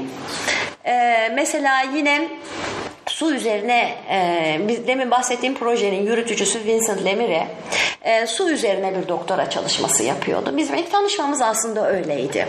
E, ve su kaynakları ya da su projeleri Osmanlı Devleti hiç geliştirmedi. E, hani su akar Türk bakar lafı vardır ya. Adeta ona benzer. Hocam oradaki su ordu biliyorsunuz. Su akar, Bakardaki o su ordu. Yani yabancı düşman ordusu akıyor tüp bakıyor. Oradaki su değil onu da gençler belki Evet, o diye. zaman e, ben de beni de düzeltmiş oldunuz. Teşekkür ederim. Ama teknik konularda çok başarılı olmadığımızı Avrupalılar sık sık söylerler. Subaşı oradan geliyor. Subaşı ordu komutanı. Kesinlikle. Ee, ve e, o zaman yine kendisiyle tanışmamız da su projeleri üzerine yaptığı bu çalışmayla olmuştu. Ve bana bir yazısını gönderip ben de doktora öğrencisiyim o zaman. E, Kudüs'teki susuzluk ve Osmanlı'nın ilgisizliğinden bahsediyordu. Ve akabinde e, ama aynen öyle. Bir şey ilave edebilir miyim? Buyurun. Sohbet ekleriz. Aslında bu İslam geleneğinde suyun e, birey organizasyonu ile gerçekleştirildiği bir gelenek var stanno. Mm. Yani Osmanlıların aslında bu su organizasyonunun devletleriyle gerçekleştirilmesi çok büyük dikkat çekiyor Kudüs'ler nazarında. İlk aynı Zübeyde Evet. mesela Abbasi Harun Reşit'in hanımı Hiçbir devlet bunu e, su organizasyonunu gerçekleştirmiyormuş Evet. Osmanlılardan önce. Evet, genelde valide sultanlar, hanım sultanlar bu işleri yapıyorlar. Su bu işleri. Tabii su, su gibi aziz ol, su tabii çok önemli. Bir de Arap kültüründe daha da önemli. Evet. Su çok az olduğu için iklim şartları nedeniyle genelde e, en büyük hayır işleri sebiller, e, kadınlar ve diğer yöneticiler ile yapıyor. E, e, estağfurullah. Ve akabinde ne yazık ki su e, ile ilgili çok ciddi projeler geliştirilmiş olmasına rağmen hayata geçirilemiyor. Bu kesin olan bir şey. Ancak şunu söylemek lazım. İngiliz manda yönetimi başladığında aynı projeleri alıp uygulayacak. E, mesela 2009 yılında Kudüs'te bir sempozyuma katıldığımda ben tramvay e, inşası vardı. Bilmiyorum hatırlıyor musunuz siz de metro inşası, tramvay inşası. Güzergah 1910 yılında Osmanlı Devleti'nin geliştirdiği güzergahın aynısı. Yani tramvay güzergahı ve proje üzerine bir sunum yapıyordum ben. İsrailler kikirdemeye başladı. Ya dedim herhalde kötü bir, bir şey anlattım, komik bir şey söyledim. Akabinde söylediler. Saydığın hattın aynısını şimdi uyguluyor İsrail Devleti. Yani Osmanlı Devleti belki o dönemin teknik şartlarında ve imkansızlıklarında bu projeleri hayata geçiremedi ama geliştirdi. En azından bu konuda belli bir çaba sarf etti ve bunun kaynaklarını yaratmak adına da çok yoğun kayıtlarımız var. Ee, bir başka husus hemen haritada ha, şeyleri gösterelim bir, bir en başa gidebilir miyiz canım? Evet. Şimdi 1892 yılında açılan Yafa Kudüs demiryolu hattı Kudüs için çok önemliydi. Bir büyük dönüm noktasıydı. Çünkü ciddi bir nüfus artışı, kentsel dönüşüm, kültürel yenilenme, e, yoğun bir e, turizm e, bununla beraber e, geliyor. Yani o yüzden bugünkü manada Kudüs Tel Aviv hattı Aynen, aynen, aynen. Yafa Kudüs, eski- Yafa eskiden Tel Aviv şimdi büyük e, Metropol oldu. Metropol Tel Aviv şeklinde. eskiden bir köymüş. Tel Ee, Tel yoksa Yafa e, yani şu an herhalde Topkapı'nın yarısı kadar filan Evet, Evet, küçük. bir şehir. Eski Tel Evet. Aviv diyebilirsiniz. Evet, evet. Tel Aviv yani. Bu dönemde Babel Halil Caddesi Yafa Kapısı, Yafa yolu hemen gidelim. Biraz daha. Ha, özellikle bu yol çok önemli. Çünkü şehir bu dönemde biraz e, siyasi bir merkez olmaya başlıyor. Bu Avrupalıların konsoloslukları ve gösterdikleri aşırı iltifat e, ve Osmanlı Devleti'nin gösterdiği ehemmiyet, itibar yüzünden e, müthiş bir diplomatik merkez, Filistin'in siyasi merkezi, idari merkezi. Ayrıntılara girip sizi boğmayacağım. E, bu gelişmeyi özellikle biz Babel Halil kapısından devam eden Yafa yolu üzerinde görebiliyoruz. Nitekim 25. Julius yıl dönümünde 2. Abdülhamit e, Osmanlı topraklarının e, pek çok bölgesinde sebiller, çeşmeler, anıtlar inşa ettirdi. Saat kuleleri. Saat kuleleri vesaire. Bu gördüğümüz sebil inşa edilirken bakın Harem-i Şerife falan değil Yafa kapısına inşa ediliyor. Neden? Şehrin modern yüzü orası. O dönemin değişiklikleri, bankalar orada, konsolosluklar orada, e, postaneler orada. Yani Harem-i Şerif tarafına yapamaz mı? Ama gerek yok. Çünkü zaten o, o bölgede Kanuni döneminden kalan birçok sebil var. O yüzden bu dönemin tabii ki modernleşmesini gösteren Osmanlı modernitesini... Bu sebil şu anda var mı hocam? Maalesef bu da? Yıkıldı. Evet. E, tabii İngilizlerin ilk işi Osmanlı modernitesinin sembolü olan bu yapıları alaşağı etmek olacak. Yine e, birazdan haritada göstereceğim.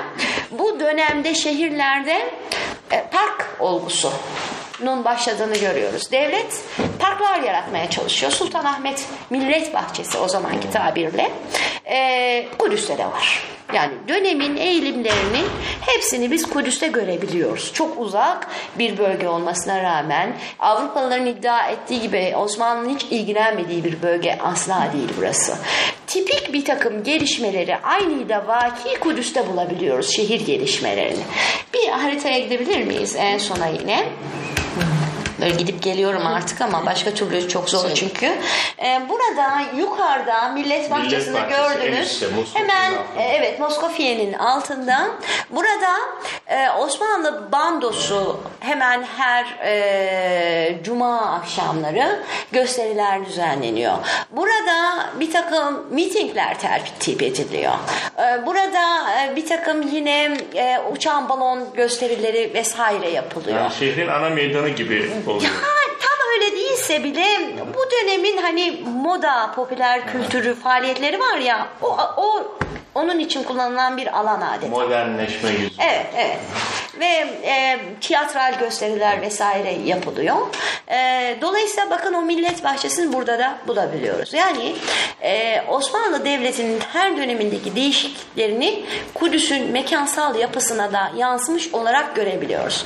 Dolayısıyla bu devleti hiçbir biçimde sahne dışına çıkarmamız mümkün değildir bizim. E, mutlaka e, onun kayıtları üzerinden e, yoğun çalışmalar yapmak hatta Avrupalılara hep söylediğim gibi önce Osmanlı arşivleriyle işe başlamak zorundayız. Tabii 19. yüzyılı ya da öncesini çalışıyorsak mutlaka. Ve onun üzerinden gidip diğer arşivlerin tali olduğunu unutmamalıyız. Hiçbir zaman Osmanlı arşivi tali arşiv değildir. Olamaz, olmamalıdır. Çünkü bir şekilde e, bu yoğun kayıt grubunda çalıştığınız her konuyu özellikle 19. yüzyıl biz çok şanslıyız. Bir bakıma yükümüz çok fazla. Bir şekilde bulursunuz. Benim öğrencim hangi konuda giderse gitsin hocam ben bir şey bulamadım derse bir daha gönderiyorum ben. Mümkün değil bulamama. Her Bakmasını şey- bilememişsin. Hocam her bulduğunuz şey orijinal bir şey oluyor. Kesinlikle. Yani. Kesinlikle.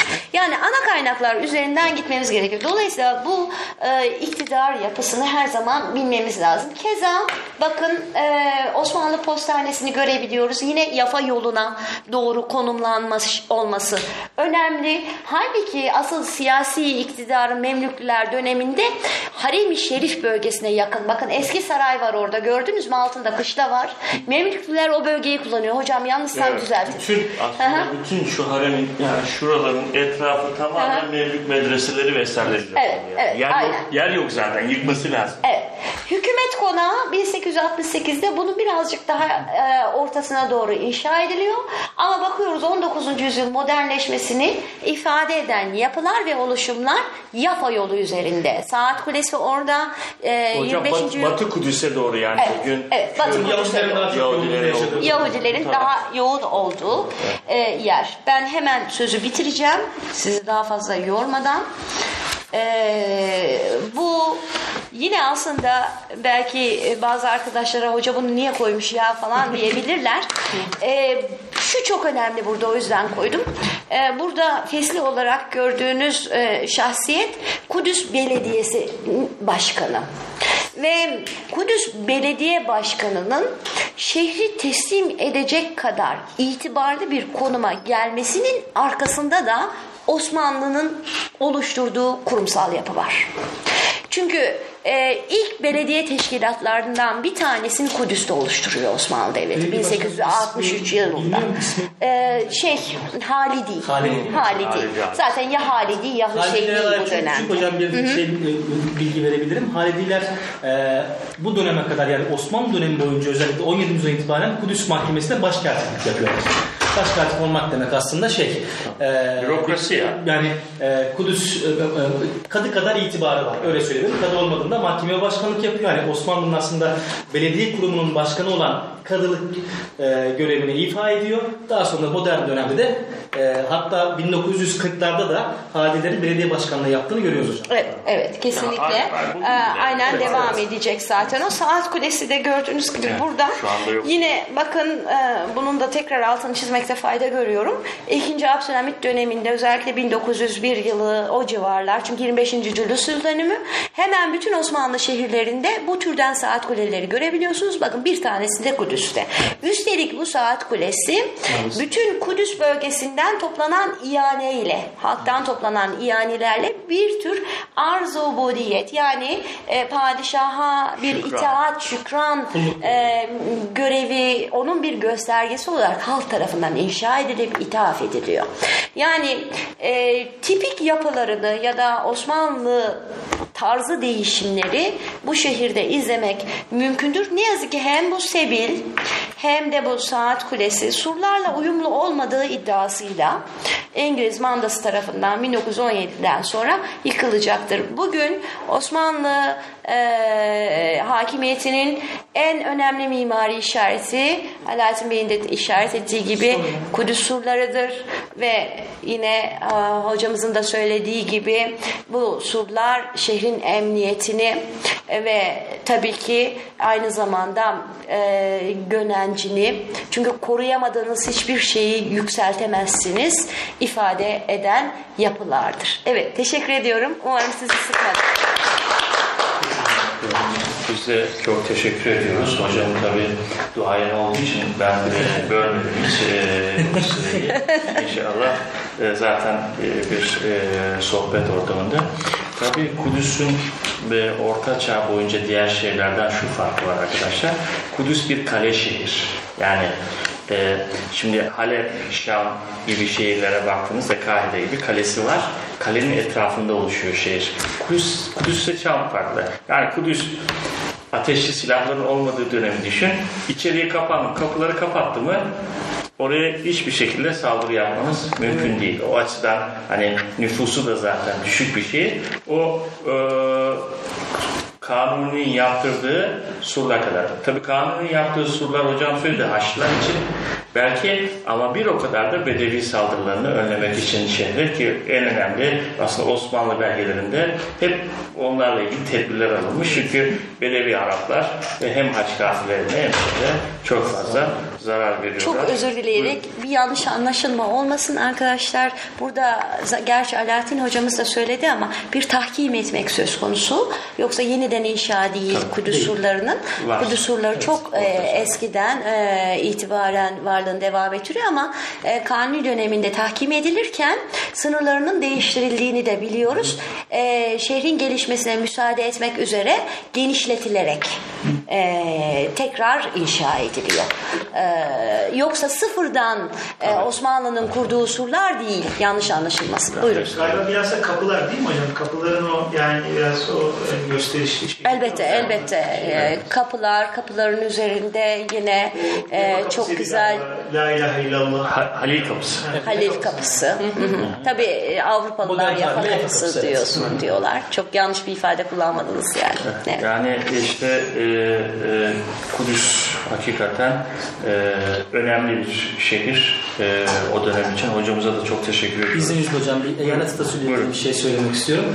Ee, Kudüs'ün hocam, e, Kudüs 18. yüzyılda çok kısa bir süre hocam valilik olarak ihdas ediliyor. 1756'da. Ee, bu e, şeyle alakalı tamamen e, harem ağasının haç dönüşünde kendisine itibar etmeyen Gazi Sancak Bey'ine ne e, ekarte etmek için e, Kudüs'ü valilik olarak ihdas ediyor. 1756'da ben ahkam defterlerini okurken Kudüs valisini, Kudüs valisini ibaresini hep görüyorum. Ya nasıl Kudüs dönemde Kudüs, va- Kudüs Çok güzel, çok teşekkürler. olarak, Güzel bir bilgi bu. e, Evet. şey olabilir diye aklımda bir soru işareti var. Belgelerde hiçbir şey göremiyordum. Tamamen işte 18. yüzyıla dair bir seyahatnamede bunun ipucunu yakaladım. 1156'da e, Haç dönüşü Harem Ağası'nın e, Gazze'ye uğraması, kendisine itibar etmemesinden dolayı işte Kudüs'ü ona bağlaması, e, yani Gazze'yi Kudüs'e bağlıyor e, ve Kudüs'te e, do- Kudüs 9 ay gibi çok kısa bir süre e, eyalet statüsüne sahip oluyor. 19. yüzyılın sonunda yine bu stratejik yaklaşımlardan birisi olarak vilayet yapalım mı diye çok tartışılıyor. Ee, Kudüs e, her ne kadar e, İstanbul'a bağlı da olsa sonuçta mutasarrıflık. Ha şunu da söyleyeyim birinci sınıf mutasarrıflık. Yani mutasarrıfı iyi para alıyor açıkçası. birinci sınıf mutasarrıflık olunca öyle. Kadın- kadın- Ee, o da yine bir gösterilen itibarın ifadesi ama e, bir şekilde vilayet statüsüne e, kavuşması gerçekleşmiyor. Tabii gerçek anlamda Evet. sizin dediğiniz Evet. tarihler hocam. Aha. Bu tamamen kişisel ıslak ve Evet. bir şey. Evet buyurun hocam. Hocam buna benzer bir şey Orta Çağ'da da oluyor. Aslında Memlükler döneminde e, Memlük sisteminde vali e, aslında düşük bir seviye. Valilerin üstünde naib saltanalar var. Eyalet valisi demek işte Halep naib saltanası. Şam. Genellikle Şam'a bağlı. Ama bazen bazı bazı durumlarda ara ara e, Kudüs'ün naib saltanalığa yükseldiğini görüyoruz. Yani daha üst statüyü kazandığını. Bu da işte eskiden beri hani sizin söylediğinize benzer e, statüsüyle ilgili yani dini konumuyla ilgili. Hocam bu Memlükler döneminde özellikle Osmanlı öncesinde Kudüs'ün bir askeri olarak önemli olmamasından dolayı bir sürgün Evet, onu gördük öyle değil mi? söyleyeyim. Ee, Şimdi- Osmanlı döneminde devam ediyor hocam. Ben bunu Evet. tespit ettim. Osmanlı döneminde e, e, bazı Şeyhülislamların işte e, e, azledilmiş bazı Şeyhülislamların Kudüs'e sürüldüğünü görüyoruz. İşte sen orada ibadetle meşgul ol, Evet. siyasete karışma. Evet aslında o Evet, e, e, bir şey. çok eskiden gelir. Evet. Şimdi hem Yahudilerde hem Hristiyanlarda olan işte mahşerin Kudüs'ten ve kıyametin oradan olacağı, ilk mahşerin orada olacağı şeklindeki inanç aslında İslam'da da var. Ve genellikle insanlar e, Orta Çağ'da da e, Kudüs'e defnedilmek istiyorlar ve bunun için de e, Kudüs'e e, hayır yapıyorlar. Kudüs'e defnedilmenin yolu oraya bir hayır yapmak, bir medrese yapıyorsunuz. Medresenin içeriğinde defnedilmiş oluyorsunuz. Yani her, her şeyin bir bedeli var. Şimdi de mesela Zincirlikuyu kaç? 10-15-20 milyara bir, bir şey var. Bir mezarlık almak. O dönemde de aslında e, bunun bir benzeri var. Memlükler döneminde e, sürgün yeri. Çünkü askeri bir önemi yok, stratejik bir önemi yok. Memlük emirleri e, cezalandırıldıklarında veya emekli olduklarında Kudüs'e gönderiliyorlar. Çünkü oradan isyan etmesi mümkün değil. Yani Şam, Halep gibi asker toplayıp e, genellikle bir hani bizim şimdi Muğla Bodrum'a gidiyor ya hocam emekli olanlar Kudüs emirleri de genellikle e, Kudüs'e şey e, Memlük emirleri de Kudüs'e gönderiyorlar. Hep bunun bir dini şeyi var. Hani orada artık sen e, siyasi işlerin bitti. Artık öbür dünyaya hazırlan gibi bir e, mesajı da var. Çok teşekkür ediyoruz. Şimdi son olarak e, Yasemin hocamızın e, talebesi öğrencilerinden yine aynı üniversiteden Pamukkale Üniversitesi'nden şu anda değil mi, Kudüs'le ilgili bir doktora tezi yapmakta olan Ömür Yazıcı Özdemir e, hanımefendi bize Osmanlı Kudüs'ünde biraz daha teknik veya hocam daha genel baktı. Belki bir mikro e, bakış olacak. Osmanlı Kudüs'ünde bir hak arama vasıtası olarak dilekçelerden bahsedecek. Buyurun. Teşekkür ederim hocam. Ee, tabii bu hocamın harika konuşması için e, ona ayrıca teşekkür ediyorum. Ben öğrencisi olduğum için gerçekten çok şanslıyım. Ama Ben de- hocadan ko- sonra konuştuğun için de şanslısın biraz da. Evet, evet gerçekten öyle Öyle hocam. durum da var. Evet, e, 19. yüzyıl e, çalışıyorum ben de çünkü armut dibine düşer tabii ki. E, Bugün sizlerle e, paylaşacağım konu Osmanlı Kudüs'ünde hak arama vasıtası olarak toplu dilekçeler. Osmanlı belgelerindeki ifadesiyle arzı mahzarlar. Ee, tabii ki öncelikle Osmanlı Sultanı'nın e, dilekçe e, sisteminden bahsetmek istiyorum. Bildiğiniz üzere Osmanlı Padişahı e, İslam geleneğine göre Allah'ın yeryüzündeki gölgesi ve zulme uğrayanların da baş sığınağıdır. Bu nedenle Osmanlı Sultanı zulme uğrayan kişilerin, haksızlığa uğrayan kişilerin hükümete veya doğrudan kendisine başvurabileceği bir e, dilekçe kurumu, bir dilekçe sistemi kurmuştur. Bütün insanlar e, hangi dinden olursa olsun, hangi ırka mensup olursa olsun, siyasi, sosyal, ekonomik, ahlaki, dini konularda ve de istedikleri dilde dilekçe sunma hakkına sahiplerdi. Aslında şikayet kurumu temeli Osmanlı'nın en erken dönemlerine kadar giden bir kurum. Ee, Osmanlı belgelerinde genellikle reayanın gönderdiği ferdi dilekçeler arzı hal, arzu hal olarak adlandırılırken bizim konumuzun e, teşkil eden arz-ı mahsar terimi ise birden fazla kişi tarafından gönderilen müşterek dilekçeleri ifade etmek üzere kullanılmıştır. Bu arz-ı mahsarların e, altında arzda bulunan kişiler e, adlarını yazarlardı e, veyahut da mühürlerini koyarlardı veya e, gayrimüslim veya Müslüman kişilerin e, parmak bastıklarını da görüyoruz. Tabii ki Alaaddin Hocam klasik dönem yani e, 19. yüzyıl öncesi daha doğrusu öyle ifade edeyim. E, dilekçe geleneğinden birazcık şikayet geleneğinden bahsettiler. Çok kısa özetlemek gerekirse Osmanlılarda tabii ki belirttiğim üzere bizzat padişahtan başlayarak Taşlı'daki en küçük idareciye varıncaya kadar Üstelik bu idarecilerin bizzat kendisiyle ilgili e, dilekçe sunulabilmekteydi. Mahzar sahiplerinin genellikle e, kadıya başvurarak arz ettikleri hususu İstanbul yani Dersate, Dersaadet'e bildirdiklerini görüyoruz. Bunun haricinde de eğer e, dilerlerse doğrudan Divan-ı Hümayun'a başvurma hakkına da sahiptiler. Divan-ı Hümayun'a yapılan başvurularda e, sultanın orada bulunduğu inancı ile doğrudan e, sultana yapılmış e, varsayılırdı. Özet geçelim. Arz-ı mahsarların e, konularına baktığımızda aklınıza gelebilecek her konuda arz-ı mahsar gönderilebildiğini görüyoruz. Yok hocam şuradan Tamam canım. bakalım.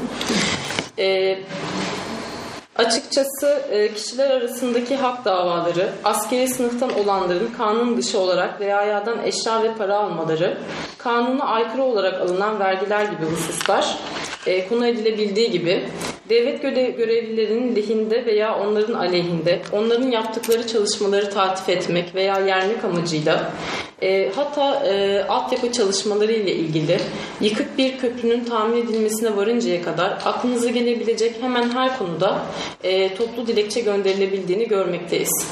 E, yani bir iyiliğin teminini istemek, mevcut bir adaletsizliğin ortadan kaldırılmasını istemek veyahut da memnuniyet ifade etmek amacıyla toplu dilekçeler gönderilebilmiştir.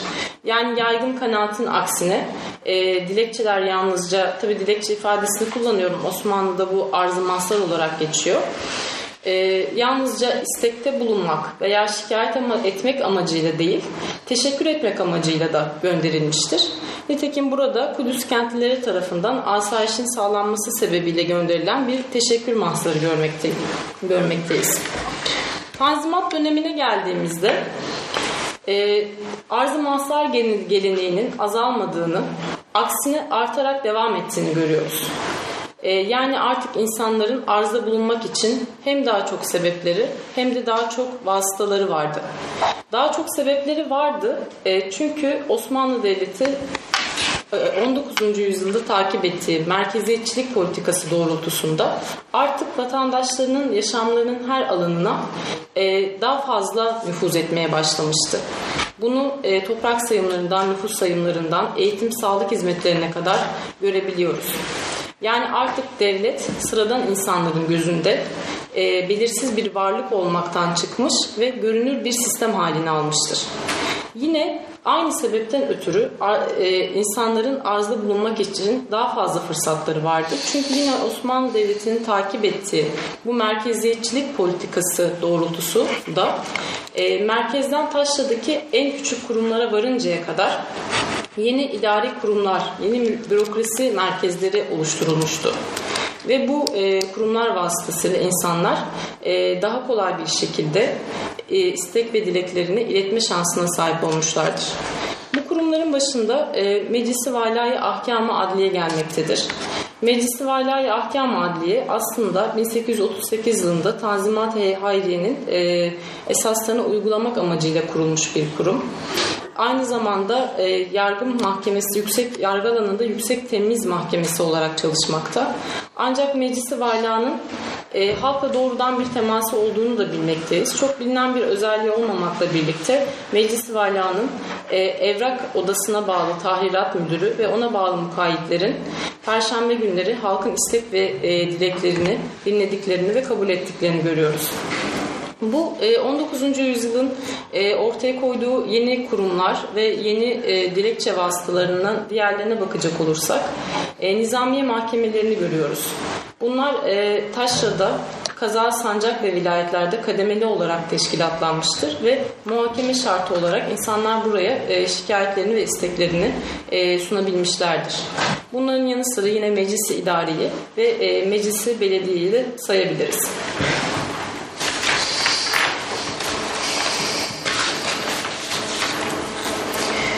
E, şikayet sisteminin kolaylaşmasının bir diğer nedeni de tabii ki teknolojinin gelişmesine bağlı olarak haberleşme ve ulaşımın gelişmesidir. 1841 yılında posta ve telgraf e, nezaretinin kurulmasıyla birlikte 1850'li yıllarda Osmanlı topraklarında e, telgraf hatları döşenmeye başlan, başlanmıştır.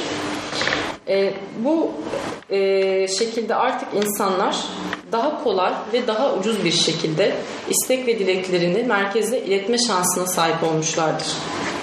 Eğer arz sahipleri istek veya şikayetlerinin e, doğru bir şekilde, düzgün bir şekilde merkeze iletilmediğini düşünürlerse e, veyahut da e, daha etkili olmasını isterlerse doğrudan merkeze de başvurabilirlerdi.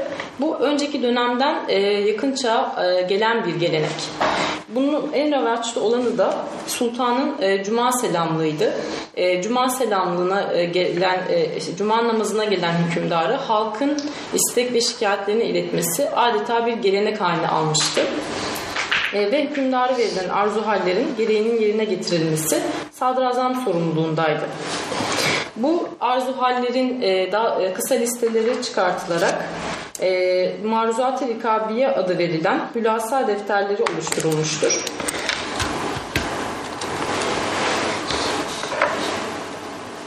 Zamanla e, bu cuma selamlığında hükümdara takdim edilen arzu hallerin sayısının e, çoğalmasından dolayıdır ki e, 2. Abdülhamit döneminde Gazi Osman Paşa riyasetinde Yıldız Sarayı'nda bir biri olarak Maruzat-ı Rikabiye Dairesi teşkil edilmiştir.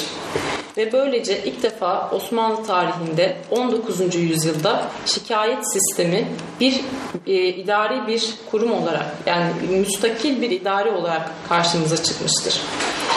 Ee, Osmanlı Devleti'nde 19. yüzyılda bu geleneğin yaygınlaşmasının e, sebeplerinden bir diğeri de artık e, modernleşmeyle paralel olarak Osmanlı Devleti'nin e, vatandaşlarını cemaatten ayrı birer birey olarak algılanmaya başlaması etkili olmuştur.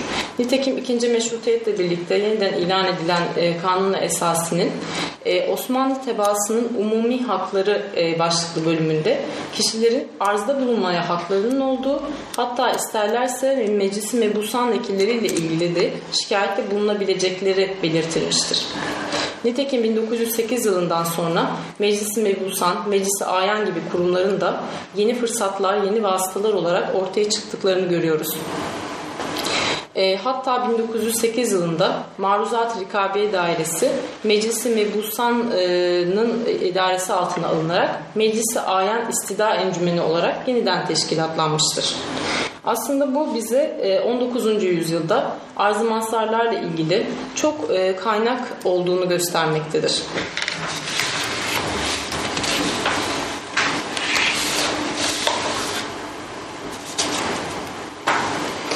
Ben bu bilgiler ışığında bu bilgileri somutlaştırmak adına e, 1840-1915 yılları arasında 201 adet e, Kudüs merkezinden İstanbul'a gönderilen arz-ı mahzarları esas alarak bir takım grafikler oluşturdum.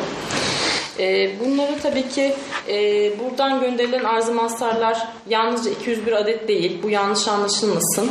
E, çok sayıda yani diğer e, kaynak grupları da incelendiğinde ki ben Başbakanlık Osmanlı Arşivindeki müstakil belge tasniflerini kullanarak e, bunları çıkardım. Diğer kaynak grupları da incelendiğinde bu sayının 2'ye 3'e katlanabileceğini ben düşünüyorum. Ancak bir prototip, bir küçük bir örneklem olarak bunu düşünün. Somutlaştırması adına bunlardan biraz bahsetmek istiyorum. Arz-ı mahsarların gönderildiği makamlara baktığımızda birinci sırada sadaretin geldiğini görüyoruz. Bu sadrazamın padişahın mutlak vekili olarak e, şikayetleri kabul eden en yüksek otorite olduğunu bize göstermektedir. Hocamın da bahsettiği üzere 1871 yılında Kudüs Elbiye-i Gayrimülhaka olarak doğrudan İstanbul'a bağlandı. Normalde e, hiyerarşik bir sıralama vardır. Kazalardaki e, belgeler bir üst e, makama yani sancaktaki makama, sancaktakiler vilayete ve vilayetten merkeze gönderilir. Ancak Kudüs Elbiye-i Gayrimülhaka statüsünde olduğu için doğrudan merkeze buradan evrak gönderilebilmiştir. Yani e, dolayısıyla dahiliye nezaretinden tutun da e, burada bir sürü makama e, arz mahsar sunulduğunu biz görebiliyoruz. Burada yine dikkat çeken bir diğer husus padişahın da yine e, modernleşme döneminde bile hale daha adaletin koruyucusu sıfatını devam ettirdiğini e, göre, görmekteyiz. Hariciye nezareti var burada. Bunun sebebi de şudur. Tabii ki e, Kudüs'te e, sadece yani istediği dilde insanlar arz-ı mahsarlarını sunabildikleri için Osmanlı Türkçesi olmayan arz-ı mahsarlar yani toplu dilekçeler öncelikle hariciye nezareti tercüme odasına gönderilirdi ve burada tercümesi yapıldıktan sonra diğer kurumlara havale edilirdi. Çok affedersiniz. Bu Ermeni Patrikhanesi'nde bir grafik oluşturdunuz ya. Kudüs Ermeni Patrikhanesi'ne gönderilen ağzı mahsaların kopyası mı merkeze gönderiliyor aynı zamanda? E, hayır bu İstanbul'daki Kudüs Ermeni Patriğine gönderilmiş. Ha, tamam. Ha. Sonra geliyor şimdi ya. Ha. Ermeni Patrikhanesi Kudüs uzun Ermeni süre deyince, Kudüs, e, Kudüs Ermeni Patrikhanesi'nin e, patriği İstanbul'da. Tamam. E, 1900 yani 1800 e, 57 galiba e, da e, tekrar Kudüs'e gönderiliyor. Evet. Tamam. Burada hocam Şimdi oturdu. Eksik çıkmış. Ve 1908'den sonra tabii ki yeni bir e, kur makam olarak Meclis-i Mebusan'ın eklendiğini görmüştüm. Burada Meclis-i Mebusan'a da e, toplu dilekçe gönderildiğini görüyoruz. Burada genel olarak baktığımızda aslında şunu da görüyoruz. E, makam yani bu dilekçeleri sadece bir kişi ya da bir kurum cevaplandırmıyor. Sadece bir kişiye ve bir kuruma ithafen gönderilmiyor. E, hangi konu e, hangi bakanlıkla ilgiliyse oraya havale edilerek bu şekilde çözümleniyor. E, ve bazı arz sahipleri de isteklerinin veya şikayetlerinin daha etkili olmasını sağlamak veya daha çabuk sonuçlanmasını sağlamak için aynı dilekçeyi birden fazla kuruma gönderdiklerini de görüyoruz. Arz-ı mahsarların gönderildiği makamlar genel olarak bu şekilde. Arz-ı mahsarların yani bu 1840-1915 yılları arasında e, incelediğim 201 arz-ı mahsarın diline baktığımızda birinci sırada Osmanlı Türkçesinin geldiğini görüyoruz. İkinci sırada Arapça, üçüncü sırada Fransızca ve dördüncü sırada da Rumcanın olduğunu görüyoruz. Bu aslında e, Kudüs'ün çok dinli ve çok dilli yapısıyla örtüşmekte. Tabii ki Kudüs'te Hristiyanlar, Yahudiler, Müslümanlar bir arada yaşadıkları için gönderdikleri dilekçelerde de e, dil farklılıkları oluşmuştur. Ve nitekim burada Arapça kaleme alınmış bir arz-ı mahsar örneği görü- görüyoruz. E, ve sağ tarafta da tercümesini görüyoruz. Solda e, aslını, sağda tercümesini. Size göre de öyle doğru. Ha, Doğru. Evet. Doğru söyledin değil mi? Ee, şekil olarak baktığımızda e, tahrir mi te- telgraf mı yani düz yazı formunda mı yoksa e, telgraf formunda mı diye baktığımızda da e, telgraf formunda olanların e, büyük bir çoğunluğu oluşturduğunu görüyoruz. Tabii ki Yafa ile Kudüs arasında 1865 yılında telgraf hattı kurulmuştur ve böylelikle bu tarihten sonra gönderilen toplu dilekçelerin çok e, sayıda artış gösterdiğini e, ve e, yine aynı şekilde bunda tabii ki Jön Türk devriminin getirdiği özgürlük havasının, okuma yazma oranının yükselmesinin de etkisi olmuştur. Bunları da belirtmek gerekir. Etkili olduğunu görüyoruz. Genel olarak bu iki form arasındaki farklılıklara bakacak olursak düz yazı Şey, sınıflaması yapabiliyor muyuz hocam? Ee, bu telgraf ve tahrim olanların gayrimüslim ve müslim olduğu. Yani telgrafı en çok kim Onu kullanmış? yapmadık. E, Hocam Yani onu çünkü şunu hatırlıyorum ben. Onu Yapmak lazım. Özellikle İngiliz konsolosluğunun hocam e, telgrafın kullanımını çok teşvik ettiği, şikayetlerinizi telgraf yoluyla yapın dediğine dair Evet. bir okumam var. Ama Şey galiba galiba daha ziyade telgraf Müslümanlardan geliyor. Bakmak lazım ama Alaaddin. Ee, hocam şöyle, onu belki net bir şekilde ayırt edemeyebilirim. Çünkü e, sadece Müslümanlar aynı anda toplu dilekçe, sadece Yahudiler, Hristiyanlar gönderse... Karışık. Ha, Tamam. e, evet, Yani karışık hayır, da olabiliyor. Hayır, ortak konu olmayabilir de sadece mesela gayrimüslimlere özel bir konu vardır. Ee, Genelde kilise problemlerinde, cemaat Hı, evet. sorunlarda e, olabilir o. Tamam. Evet. Ama toplu dilekçelerde bu husus önemli. Tabii çoğunlukla çeşitli dinlerden e, olan kişilerin tek bir toplu dilekçe yazdıkları da vaki. Yani o, o bu önemli bizim için. Çünkü e, şehir halkı toplu inisiyatif alabiliyor Evet. demek oluyor. Evet. Evet. Hocam mühür mü parmak mı?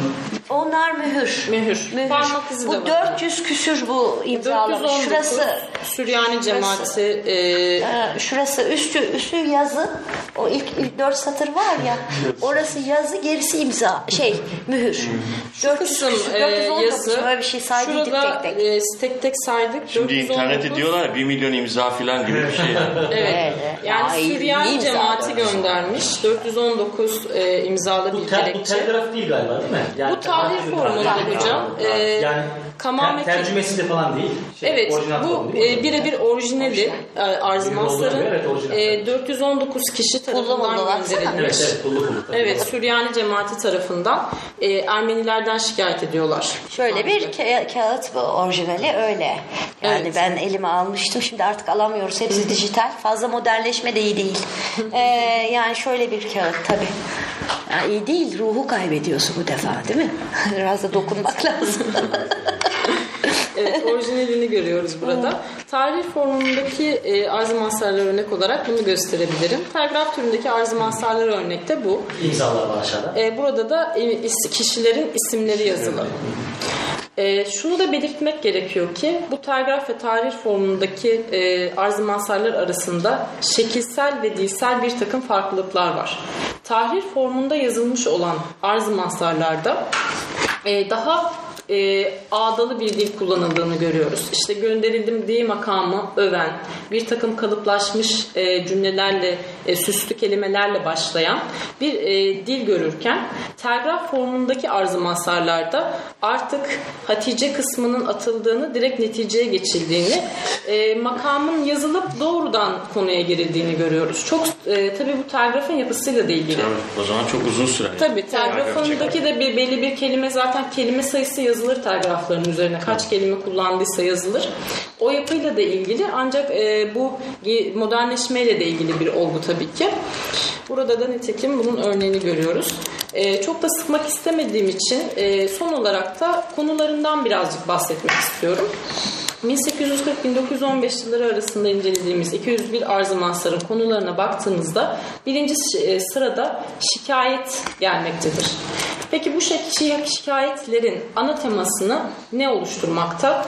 Tabii ki e, yöneticilerden Valiler. şikayet. E, onların e, görev ve sorumluluklarını, yetkilerini kötüye kullanmaları. Ama tabii ki cemaat liderleri ve cemaatler arasındaki rekabet burada çokça e, şikayet konusu olmuş. Kudüs için konuştuğumuzda. Çünkü e, bu arz-ı aslında kentlerin karakteristiğini de bize yansıtmakta.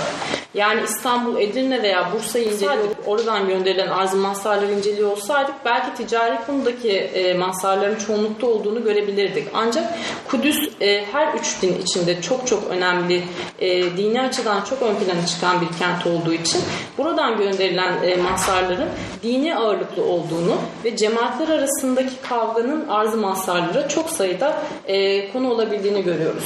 Yine bir somutlaştırmak adına bir örnek vermek isterim. E, 23 Mart 1873 tarihinde Kudüs'teki Rum milletinden epeyce bir kişi birleşerek Yunan rahiplerin Kudüs'teki Rum kiliselerini zapt etmeleri nedeniyle sadarete e, ve yerel hükümetin bu husustaki şikayetlerini dikkate almadığından bahise bir de sadarete bir şikayet mahzarı göndermişlerdir. İkinci sırada cemaat yönetimine dahil olma Yani mevzusu Rumlar gelmektedir. Yunanlılardan mı şikayet ediyor? Aynen. Kesinlikle hocam. Aslında Çünkü o- arkalarında Ruslar var. Evet.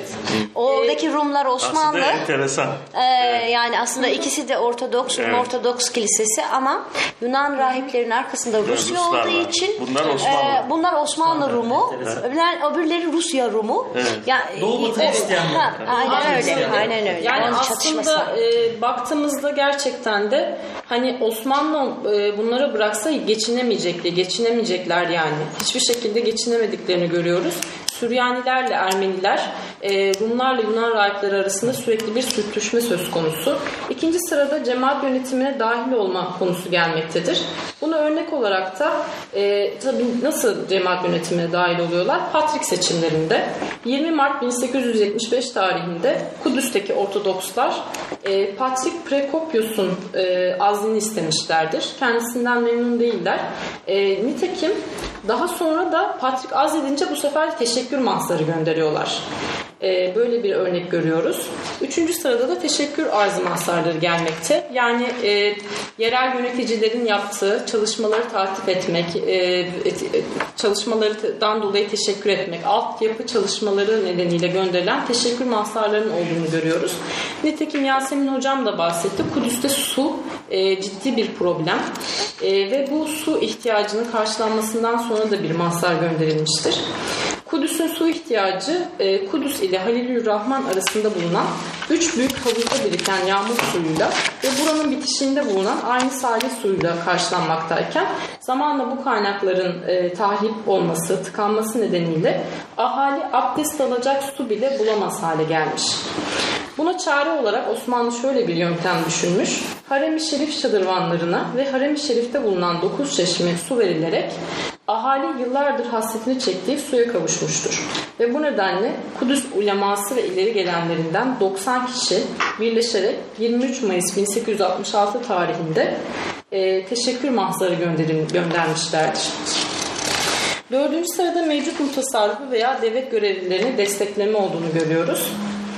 Ee, yine 1852 tarihinde Mutasarrıf Hafız Paşa'yı e, desteklemek amacıyla Kudüs ahalisinden 35 kişi Meclis-i Valaya Ahkam Adliye'ye bir arz-ı mahsar göndermişlerdir.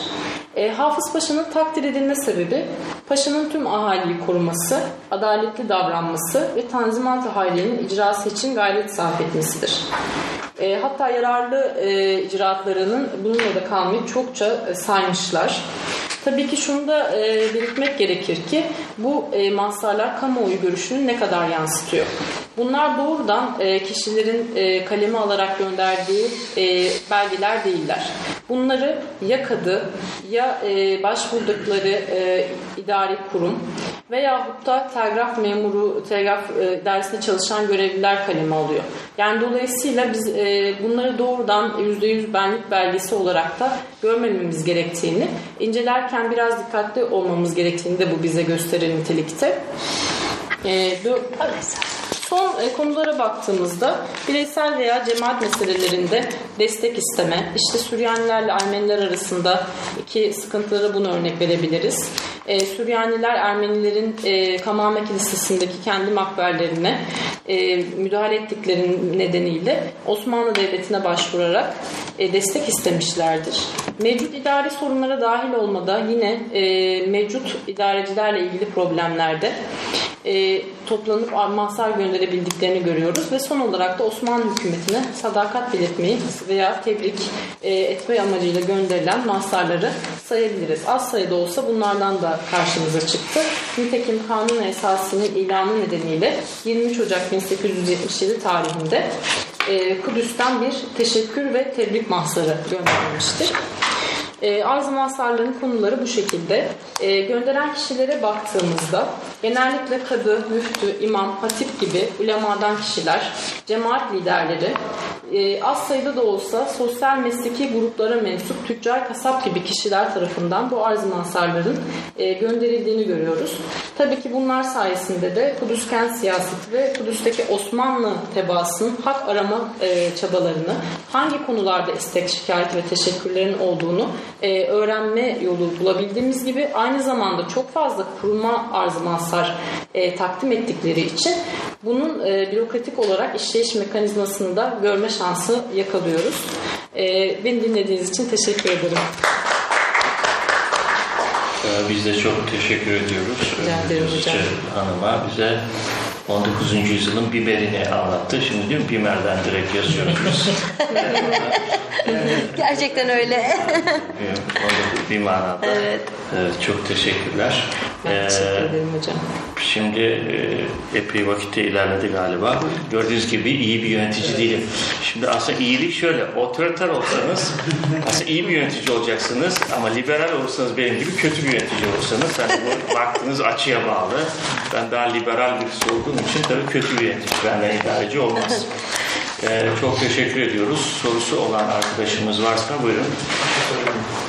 Hocam siz, e, Yasemin Hocam sizin 19. yüzyılda Osmanlı Kudüs'ü nasıl yönetti sorusuna verdiğiniz temel makro düzeyli politika başlıkları var. Şimdi bu dilekçeleri, bu politikaların toplumsal zemine yansımalarını görmek nasıl karşılık bulmuş, e, uygulanabilirliği ya da çözüm, çözüm üretme vesaire anlamında bu iki sunumu nasıl ilişkilendirebiliriz? Tabii. O mikro verileri o makro ölçekteki ana e, politika e, başlıklarıyla mukayese ettiğimiz zaman neler biraz daha detaylandırabilir miyiz? Çok güzel.